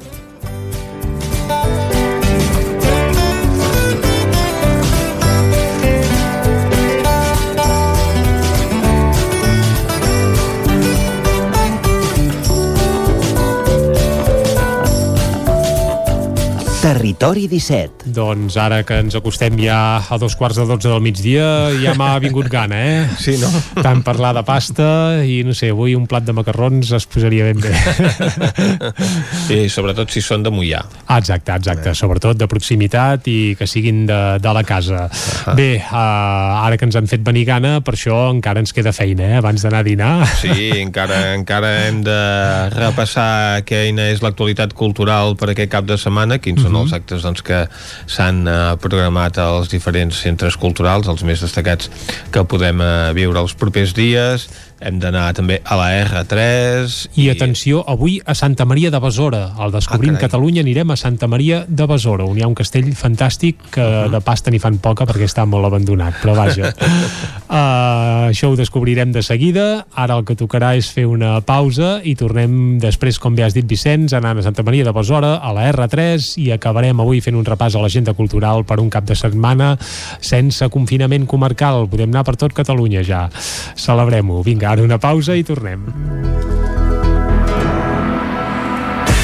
El nou FM, la ràdio de casa, al 92.8. Els dies 25 i 26 de març se celebren les eleccions agràries. Les votacions seran únicament pel sistema de votació electrònica. Pots votar remotament amb l'IDCAT certificat, el DNI electrònic, altres certificats reconeguts o amb el sistema de reconeixement biomètric. També pots votar de manera presencial amb el DNI des de qualsevol dels punts d'assistència al vot electrònic. Tots els punts comptaran amb les mesures sanitàries necessàries per garantir la teva salut i la de tothom. Més informació a agricultura.gencat.cat. Generalitat de Catalunya. Hi ha sensacions que són úniques. Aquell bany relaxant, mirar per la finestra quan plou i com les calderes Bailand, que li ofereixen fins a 15 anys de cobertura total amb el servei tècnic oficial Bailand. Informis a Oficiat Nord trucant al 93 886 0040. Amb el servei tècnic oficial de Bailand, la seva caldera estarà en les millors mans. Cocodril Club. Si t'agrada la bona música dels anys 60, 70 i 80, escolta el 9 FM els matins de dissabtes i diumenges d'11 a 1. És el temps del Cocodril Club, tot un clàssic de la ràdio, amb les bases del pop-rock, les llegendes, les cançons que s'han convertit en autèntics himnes. Recorda, dissabtes i diumenges al matí, d'11 a 1, al 9 FM 92.8. Cocodril Club, el programa revival de l'Albert Malla. Hasta luego, cocodrilo. Passema, comercial de maquinària i utillatges amb més de 50 anys al vostre servei. Visiteu la nostra botiga i trobareu productes de gran qualitat. Passema, som al polígon Sot dels Pradals, al carrer Cervera 10 de Vic. Telèfon 93 885 32 51. Passema us desitja un bon mercat del ram. A Montse Estètic Vic celebrem dos anys. Tant si ets client nostre com si ens acabes de conèixer, gaudiràs de descomptes i promocions tot el mes de març. Aconsegueix un 2 per 1 en la depilació làser al portar un amic o amiga i enamora't gratuïtament de la presoteràpia mentre et fem un tractament facial. Cuida't més que mai. Ara amb el 20% de descompte en tots els productes. Vine a Montse Estètic i mima't. Ens trobaràs a l'Avinguda Pius 12, número 26 de Vic. Al telèfon 672 1704 23 i a la web montsestètic.com. Amb Pradell estalvio energia i cuido la meva butxaca i el medi ambient. Posa't en mans de Pradell. Són experts en calderes de gas i condensació, estufes de pèl·let, energia solar, terres radiants, geotèrmia i aerotèrmia. Pradell instal·la calderes de biomassa per a particulars i per a empreses. Si vols estalviar un 50% en consum, contacta amb Pradell i passa't a les energies renovables. Pradell som a l'Avinguda Països Catalans 27 de Vic. Telèfon 93 885 1197. Pradell.cat. El nou FM, el nou FM, el nou FM, el nou FM, el nou FM.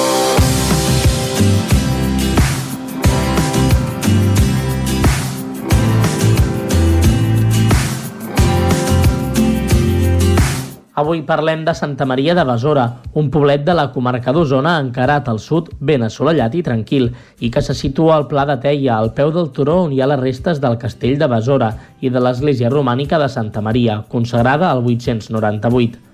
L'actual municipi formava part del terme del castell de Besora. El poble de Santa Maria de Besora va pertànyer al municipi de Sant Quirze de Besora fins al 1798, any de la seva segregació. Actualment, tot i que hi ha una serradora, l'activitat econòmica del municipi depèn principalment a l'agricultura i la ramaderia. Sobre una plataforma a uns 1.025 metres d'alçada i envoltada en bona part de la cinglera hi ha les restes del castell de Besora i de l'església romànica de Santa Maria. L'església romànica de Santa Maria, com dèiem, consagrada el 898 pel bisbe Godmar a petició d'Emma, filla de Guifré el Pilós i abadesa del monestir de Sant Joan de les Abadeses. El va reconstruir el segle XI sota la protecció del castell i destaca un interessant campanar quadrangular de tres plantes i el porxo, probablement del segle XII. Mereix la visita tant pel seu valor arquitectònic i històric com pel geogràfic. El sinuós sender per arribar-hi des de Santa Maria de Besora és de gran bellesa i la vista panoràmica des del cim és magnífica. El salt del Mir és un salt espectacular, especialment si porta una bona quantitat d'aigua. Té uns 35 metres d'alçada. Convé destacar el cúmul de calç sota el salt. També observem diverses cassoletes dins la riera, unes cavitats en forma de cassola excavades a la roca del llit de la riera pel corrent. Sovint dins les cassoletes hi podem trobar una o més pedres esfèriques que poden oscil·lar entre diverses mides i que són l'instrument que ha tallat aquestes cavitats. S'hi arriba a menys de 2 quilòmetres des de Santa Maria cap a Vidrà. En la mateixa direcció hi podeu trobar les baumes dels ferrers. Una bauma és essencialment una cavitat natural a la roca derivada de la seva erosió, que pot tenir una boca de desenes de metres tant d'alt com d'ample, però amb menys profunditat que una cova. Sovint eren habitades pels camperols que conreaven les terres de les cases veïnes. Finalment us proposem passar les hores a la serra dels bufadors i els bufadors de Baví. Són uns forats i escletxes per on surt corrent d'aire. Mereix la caminada pel meravellós indret on es troben els forats, ja que la seva situació a la part vaga de la serra dels bufadors fa que s'hi generi un microclima especial, amb grans blocs de roca coberts de molsa i una flora ben particular. És una zona no gaire gran, de forma allargada i més o menys estreta. Ens hem de fixar en els forats que hi ha al terra. Si ens hi acostem notarem que l'aire que surt és fred. A vegades es pot sentir com xiula en el seu interior, d'aquí el nom de bufadors. A mesura que avancem trobarem més forats i alguns d'ells han estat ressenyats per experts espeleòlegs. Aquí el terreny és inestable i no s'aconsella entrar dins els bufadors. És un indret de gran bellesa que té un aire màgic. Territori 17 doncs els bufadors, jo hi he anat i em puc donar fe que és un uh -huh. lloc màgic i si fa vent, divertit. Sí, sí. hi haurà fira o no hi haurà fira a Santa Maria de Besora ah, aquesta Setmana Santa? Uh, divendres sant és exacte el dia de la fira medieval, Mercat Medieval de Santa Maria de Besora, un dels pocs municipis que programa alguna cosa en divendres sant uh -huh. i he anat més d'un any també perquè és de les poques coses que es pot anar a fer per Setmana Santa i la veritat és que val molt la pena, el poble és preciós uh -huh. i el dia del Mercat Medieval eh, es converteix tot plegat en una espècie de pessebre que és eh, molt autèntic i molt recomanable. Ja veurem si s'acaba fent o no. De moment eh, crec que no s'ha suspès, com sí que es va haver de suspendre l'edició de l'any passat, que no es va poder fer res. Tant de bo aquest any es pugui fer, encara que sigui en un format més petit i amb algunes limitacions, però estaria bé, estaria bé que es pogués fer aquest mercat medieval de Santa Maria. Esperem-ho, doncs, ja que hi podrà anar tothom qui vulgui. Ah, exacte. Uh, anem a la R3 ara, per això... De... Sí, no, no, de fora de Catalunya aquest any no, almenys de moment no. Uh, anem a la R3, aquí també hi pot anar tothom qui vol, eh? Exacte, anem-hi. Doncs va, anem-hi. A Trenc d'Alba, edició pandèmia Ara sense els usuaris que ens explicaven les seves desgràcies a la R3, però amb els mateixos retards i problemes de sempre.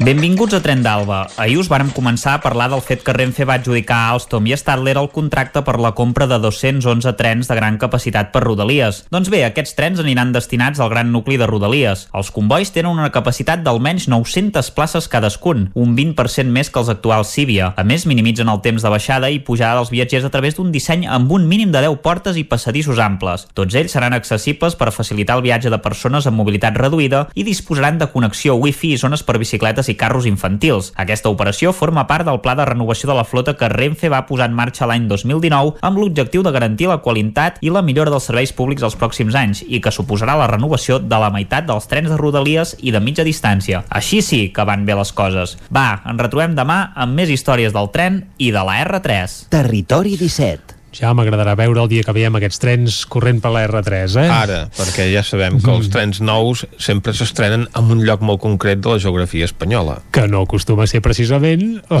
la R3. Sí, sí, sí. Això és ben evident. Sí, sí, evidentment, per la R3 sempre circulen els trens més antics que hi ha. Mm -hmm a la xarxa ferroviària catalana. Va, ara no parlarem de trens per això, sinó que el que ens toca és repassar l'agenda cultural per aquest cap de setmana, primer cap de setmana en molt de temps on no hi ha confinament ni municipal ni comarcal. Per tant, tot el que enumerem i citem avui aquí, diguem que està a l'abast de, de tothom, sempre i quan quedin entrades, perquè amb les limitacions d'aforaments actuals, alguns espectacles ja estan plens ara mateix i s'han de fer el cap de setmana. Però vaja, el repassarem igualment a la nostra agenda de Territori 17. I Vicenç, aquest repàs, per on l'arrenquem avui? Comencem per Ràdio Cardedeu perquè l'Òscar Muñoz ens expliqui què és el que podem fer a Cardedeu i als seus voltants aquest cap de setmana. Bon dia, Òscar. Bon dia. El cap de setmana, doncs sí, i encara tenim... queden dies d'aquesta sí, sí. setmana, sí, per tant, dijous, si hi ha actes culturals dimecres, sí, sí. dijous, doncs també, també en podem parlar, i tant. Tenim eh, un cap de setmana molt, molt ple de concerts i de, uh -huh. de música. Ah, així m'agrada. comencem, això, bé, això és bo. Així que comencem el repàs aquí a Cardedeu, on tenim el Festival Ressona, el Festival de Música Clàssica de Cardedeu, que demà eh, parlarem amb més detalls a l'entrevista, però ara comentarem les activitats que podem trobar, val? Uh -huh. Comencem el divendres a les 8 del vespre amb el concert de Chicuelo i el Marco Mezquiza, que ens presentaran el No hay dos sin tres, que és el títol del seu segon disc, amb composicions pròpies i plenes d'intensitat, passió i connexió. Dissabte a les 8 del, de 8 del vespre tenim el, el Víctor Braojos i l'agrupació coral cardedeuenca. El pianista cardedeuenc en una mitja part acompanyarà el piano a l'agrupació coral de Cardedeu en la suite El Mirador de Josep Vila i Casanyes uh -huh. i a l'altra part doncs, farà un recital en solitari ell amb, amb el piano. I per acabar diumenge, a les 10 del matí, tenim l'òpera Carmen al cinema Esbarjo i l'Orquestra de Flautes de Barcelona a les 6 al Teatre Auditori de Cardedeu. Uh -huh. Molt bé. Ara ens anem a, a Granollers, on divendres, com ja és costum, a les 8 del vespre tenim el 31è Festival de Jazz, aquesta setmana amb la Carola Ortiz Quartet, on presentarà el seu tercer àlbum com a compositora, en Pecata Beata.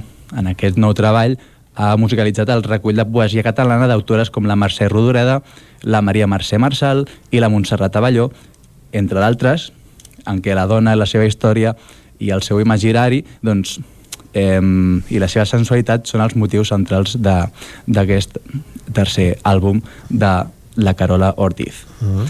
I dissabte a la nau veu de la Roca Humbert tenim el concert de música urbana amb els Detallets, que venen des del, Mar des del Maresme, concretament de Mataró, i és un duet que barreja trap, reggaeton i ritmes així llatins amb influències pop, Carai. que juntament, doncs sí, juntament amb les seves lletres, eh, diguem, quotidianes, fan que ara mateix sigui un dels grups que està creixent amb bon ritme, diguem.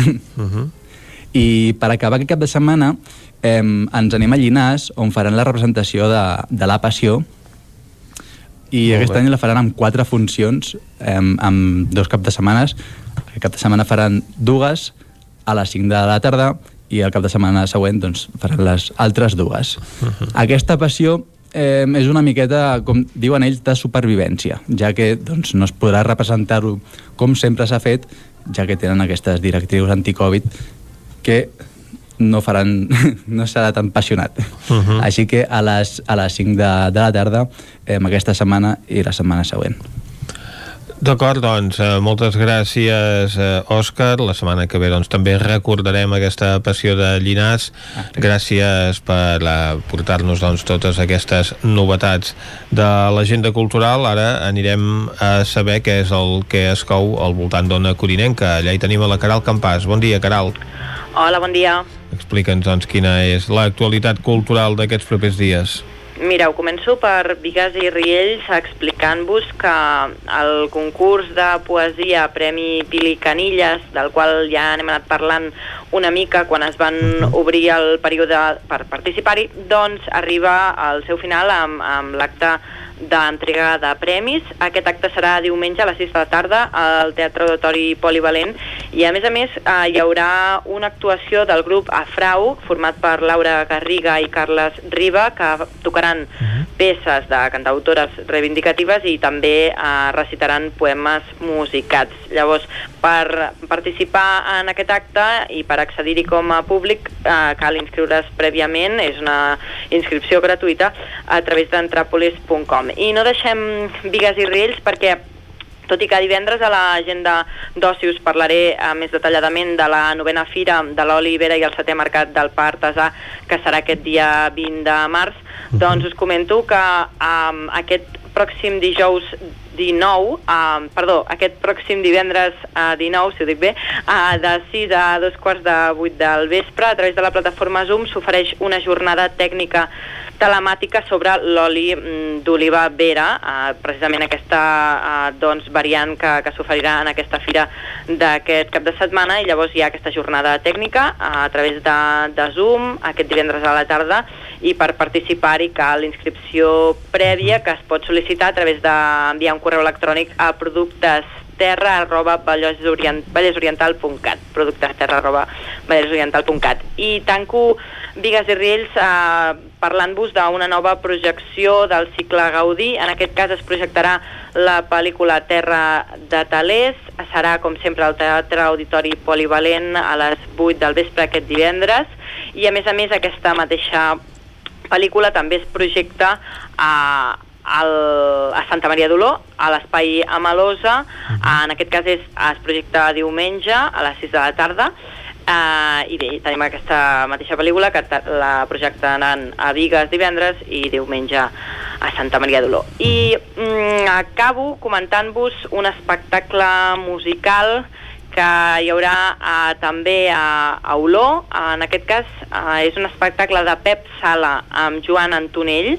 Això serà el dia 20 a les 6 de la tarda a l'Espai Amalosa. Per accedir-hi cal comprar entrada anticipada um, per 15 euros o al mateix dia per 18 euros a través d'entrapolis.com i hi ha aforament limitat. Acabaríem amb aquest uh, concert i també us comento que a Caldes de Montbui dissabte hi ha un espectacle de circ que porta -huh. per nom com La vida amb una companyia d'uns 10 artistes que venen d'arreu del territori però no us ho detallo més perquè s'han exaurit totes les entrades. Va, per tant no ens en facis venir ganes d'anar-hi, efectivament. sí. Molt bé, doncs moltes gràcies, Caral. A vosaltres. Anem ara a la veu de Sant Joan on ens espera l'Isaac Muntades. Bon dia, Isaac. Bon dia, Vicenç. Doncs anem a repassar l'agenda cultural de la comarca del Ripollès.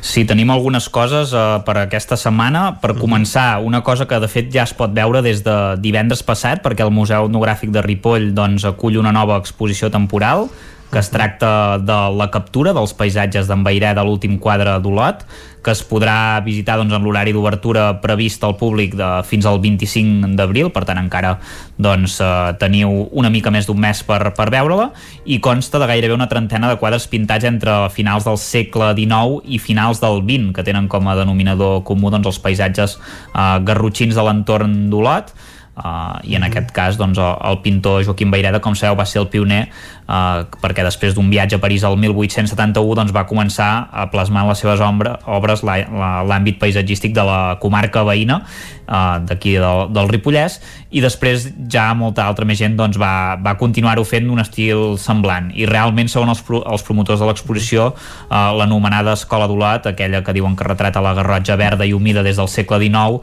doncs uh, mai ha existit i només ha estat doncs, uh, una etiqueta que, que es posava, però sí que hi ha hagut molts intents de, de pintors doncs, de capturar aquest paisatge d'Olot i en aquesta mostra es pot comprovar uh mhm. -huh. com Baireda doncs, va ser uh, un dels primers que, que ho va fer. Per tant, és una, és una bona exposició per veure al Museu Etnogràfic de, de Ripoll i, i bé, ja sabeu que n'hi ha sempre de tant alguna i aquesta és la, la que toca ara en aquests moments i no, no ens mhm. movem de Ripoll perquè eh, també a, a la capital del Ripollès eh, a les 6 de la tarda, això estem parlant de demà, demà dijous hi ha l'hora del conte amb Geni Rodari Contes per la, Contes per la Revolta a càrrec d'Assumpte Mercader que és una activitat que es farà a la Biblioteca Lambert Mata de Ripoll i evidentment doncs, en temps de pandèmia cal inscripció prèvia per a correu electrònic abans d'anar-hi.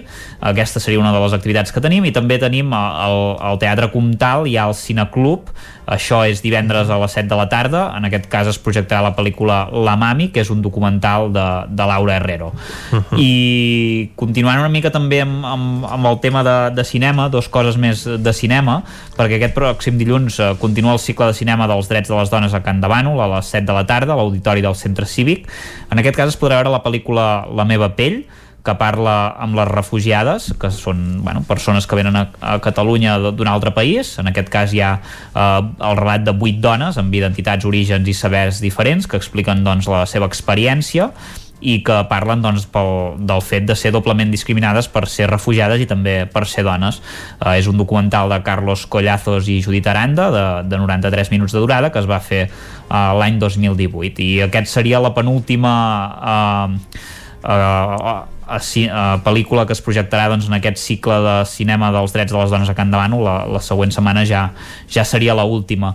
Uh, Dir-vos també, res, com a curiositat, que aquest dissabte Uh, també al Cinema Catalunya de Ribes de Freser es projecta la pel·lícula Falling que ja sabeu que és una pel·lícula de, de Viggo Mortensen i com que en Viggo Mortensen doncs, va, va concedir una entrevista ara ja fa un temps aquí a la veu de Sant Joan i vam parlar d'aquesta pel·lícula doncs feia gràcia doncs, uh, que ara que també es projecta aquí a la comarca Ribes de Freser doncs, uh, està molt bé i és una pel·lícula que ha tingut molt bones crítiques d'aquest drama familiar no? d'en de, Viggo Mortensen que doncs, uh, s'enfronta també molt amb, amb el seu pare i per tant és una, és una pel·lícula bastant interessant uh -huh. uh, després ja per acabar sí que m'agradaria parlar també de, de l'escultura de la font de la plaça Clavé que d'aquí de Sant Joan de les Abadeses que s'exposarà doncs, a l'entrada de l'Ajuntament aquesta escultura que, que s'ha restaurat entre els anys 2019 i 2021, que és una escultura uh, de bronze.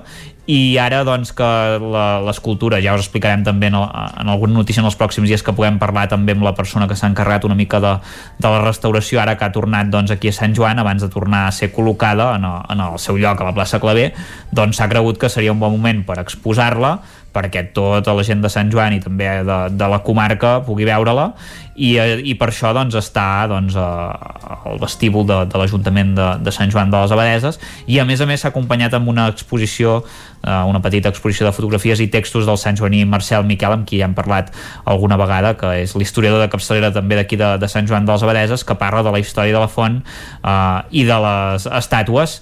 I per tant doncs, eh, també a més a més eh, en aquesta exposició sí, hi parlen les restauradores Patricia Amat i Eulàlia Ribó que expliquen el procés de restauració i conservació i, i bé, elles també doncs, hi aporten la seva, la seva visió. Per tant, l'exposició estarà oberta en horari d'oficina de dilluns a divendres, de 8 a 3 de la tarda i també de, de 4 a 7 de la tarda. Mm -hmm.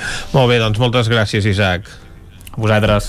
Anem ara nosaltres a fer un recull de l'actualitat cultural a la comarca d'Osona amb en Jordi Vilarrodà. Bon dia, Jordi. Bon dia. Doncs sí, estem en una setmana en què hi ha moltes coses. Realment tenim un cap de setmana d'aquells que es pot acostar força al que seria ja la normalitat mm, prepandèmica, podríem uh mhm. -huh. dir, per entendre'ns. Els ja programadors fa... ja sabien que aquest cap de setmana podria venir gent de tot el territori català. Ah, exacte, exacte. Ara, de fet, eh, la setmana passada encara va haver-hi un concert, el del pianista Grigori Sokolov a l'Atlàntida, que es va veure molt afectat per això, perquè aquests grans concerts, aquests eh, del cicle de grans concerts, a vegades poden tenir fins un 40% d'entrades que no són d'Osona. Uh mhm. -huh. Són concerts uh -huh. que es fan a molt pocs llocs, aquest pianista només actuava al Palau i a Vic, uh mhm. -huh. i, i aquest es va veure encara seriosament perjudicat, segons ens van dir de l'Atlàntida, pel, pel confinament comarcal. Clar.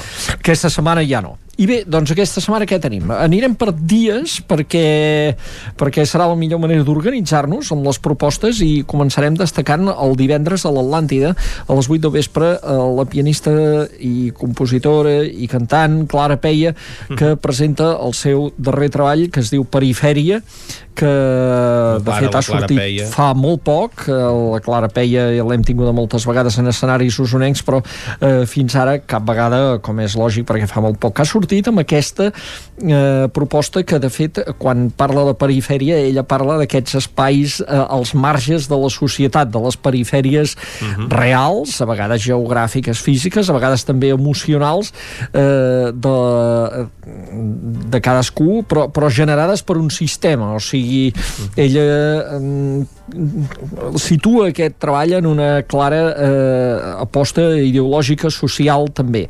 Eh, i això ho fa a través d'una proposta que estem escoltant ara amb aquest estil de, de pop minimalista, d'electrònica eh, el, el piano de paret eh, que és el que tocarà ella eh, que també vol dir alguna cosa el piano de paret marges també, eh? o sigui, tot, tot, tot lliga, tot lliga. sí, perifèria. I la Clara Peia, que mai canta ella, ella toca el piano i en aquest cas ha buscat la complicitat de gent com l'Alba Flores i l'Anna Tijú que canten en aquest Mujer Frontera, una de les peces que hi ha en aquest uh, treball que presentarà a Vic aquest divendres. Quiero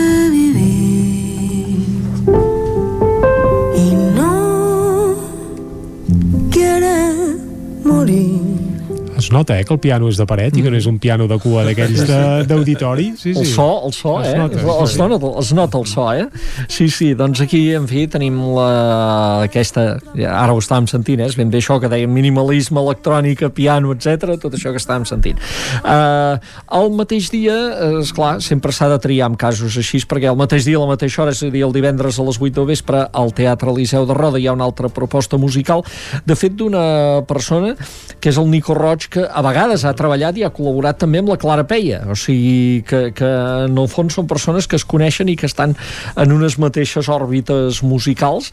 Eh, i el Nico Roig presenta en un concert a l'Eliseu eh, el seu treball Jo siempre sueño que sí, que és la seva darrera, el seu darrer treball. Eh, em sembla que el quart de la seva trajectòria mm, de la trajectòria personal com a Nico Roig, perquè després té altres vessants com la, la proposta dos meus shorts que també és d'ell però en aquest cas seria el, la, la, la, la darrera personal. Eh, i que també estem sentint de fons ara mateix.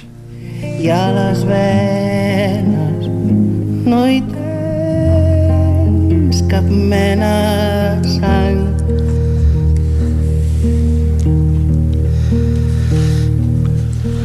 Potser Una proposta també minimalista, eh, de petit també, format. també, també, en David Soler i Marçal Bagés són els que estan darrere de la producció d'aquest treball de, del Nico Roig, que es veurà a Roda.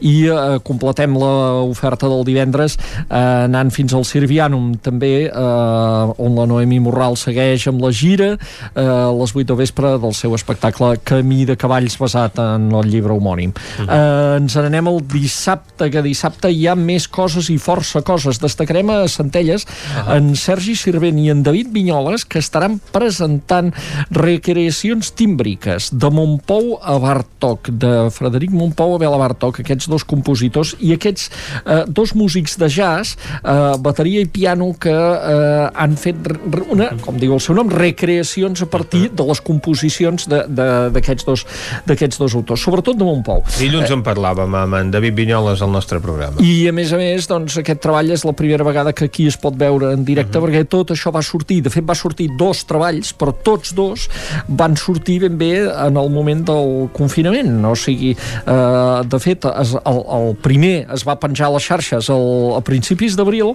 i després el segon, les recreacions tímbriques número 2, diguem, va sortir ja al mes d'octubre, però també just abans que ens tornessin a tancar, per tant no hi havia hagut oportunitat de veure-ho, sí que es podrà veure doncs, aquest dissabte a dos quarts de nou del vespre al casal Francesc Macià de Centelles i també estem sentint de fons doncs, aquesta proposta original, eh? Piano, bateria. Sí, sí, amb bateria. Piano i bateria. Piano i percussió. Vaja. Eh, més coses. El dissabte també a dos quarts de vuit del vespre a la Polivalent de Ceba tenim Tenors, un espectacle còmic eh, d'alguna manera eh, recrea allò dels tres tenors, eh, del Pavarotti, uh -huh, sí, sí. El, el Domingo i el Carreras, eh, tres actors que es presenten a un càsting per fer un concert d'homenatge als tres tenors i a partir d'aquí, doncs, cada un amb la seva personalitat, els seus tics d'artista, se'n riuen força dels tics d'artista, eh, i després eh, canten, a més a més, o sigui, que hi surt òpera, musical, Broadway, temes pop, etc etc. O sigui, és una barreja de comèdia musical eh, que s'ha vist ja alguna vegada aquí a la comarca i que es podrà veure doncs, aquest dissabte a dos quarts de vuit del vespre a la Polivalent de Ceba. També hi ha teatre a l'Auditori Teatre de Call d'Atenes, en aquest cas amb Càndida. Càndida és un monòleg de l'actriu Anna Tamayo, en aquest cas acompanyada també per, per un músic, eh, però eh, què vol dir càndida? Eh, és que aquest és un monòleg eh, així d'un tema. Eh, us sona la, la candidiasi candidiasi vaginal és una malaltia uns fongs.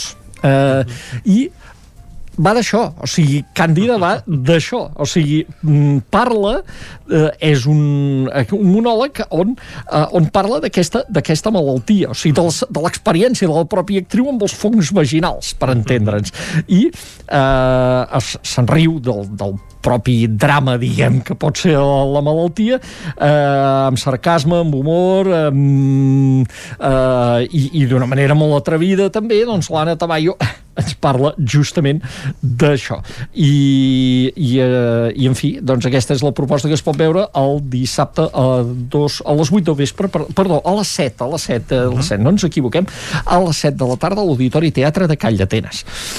I també dissabte, a les 8 del vespre, a l'Auditori de la Fundació Antiga Caixa de Manlleu eh, torna a començar del cicle de concerts dels Amics de la Música de Manlleu, 31è ja, o sigui, ja porten 31 cicles d'aquests, aquest durarà tot el curs, diguem, tota la temporada fins que s'acaba, eh, fins, fins a l'estiu.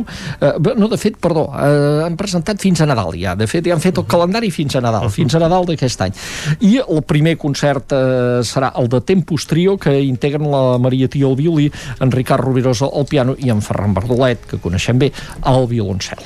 Eh, també el mateix dissabte eh, teatre a l'Atlàntida amb una obra que vam deixar en el seu moment que es va haver de suspendre. Eh, aquest país no descobert l'Alba Pujol en una conversa amb el seu pare, que realment el seu pare va morir de càncer, uh -huh. i que en aquest cas el seu pare l'interpreta el gran actor Pep Cruz. I és una obra de teatre molt i molt recomanable, uh -huh. aquesta de l'Alba Pujol i el Pep Cruz.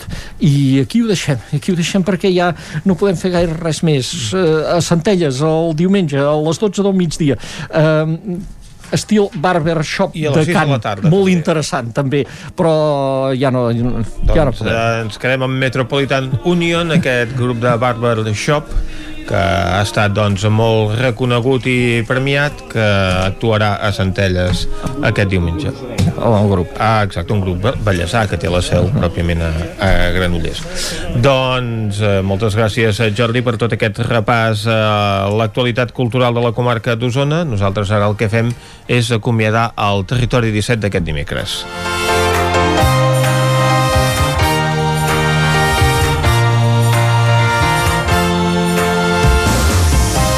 Un territori 17 que hem fet. Clàudia Dinarès, Caral Campàs, Isaac Muntades, David Auladell, Pepa Costa, Isaac Moreno, Jordi Givert, Òscar Muñoz, Jordi Vilarrodà, Jordi Sunyer i Vicenç Vigues. Nosaltres tornarem demà i, com sempre, us farem companyia des de les 9 del matí i fins a les 12 del migdia.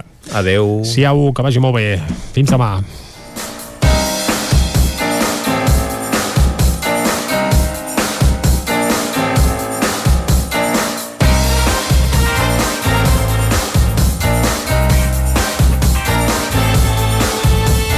Territori 17, un magazín del nou FM. La veu de Sant Joan. Ona Codinenca I Ràdio Cardedeu amb el suport de la xarxa. El nou FM.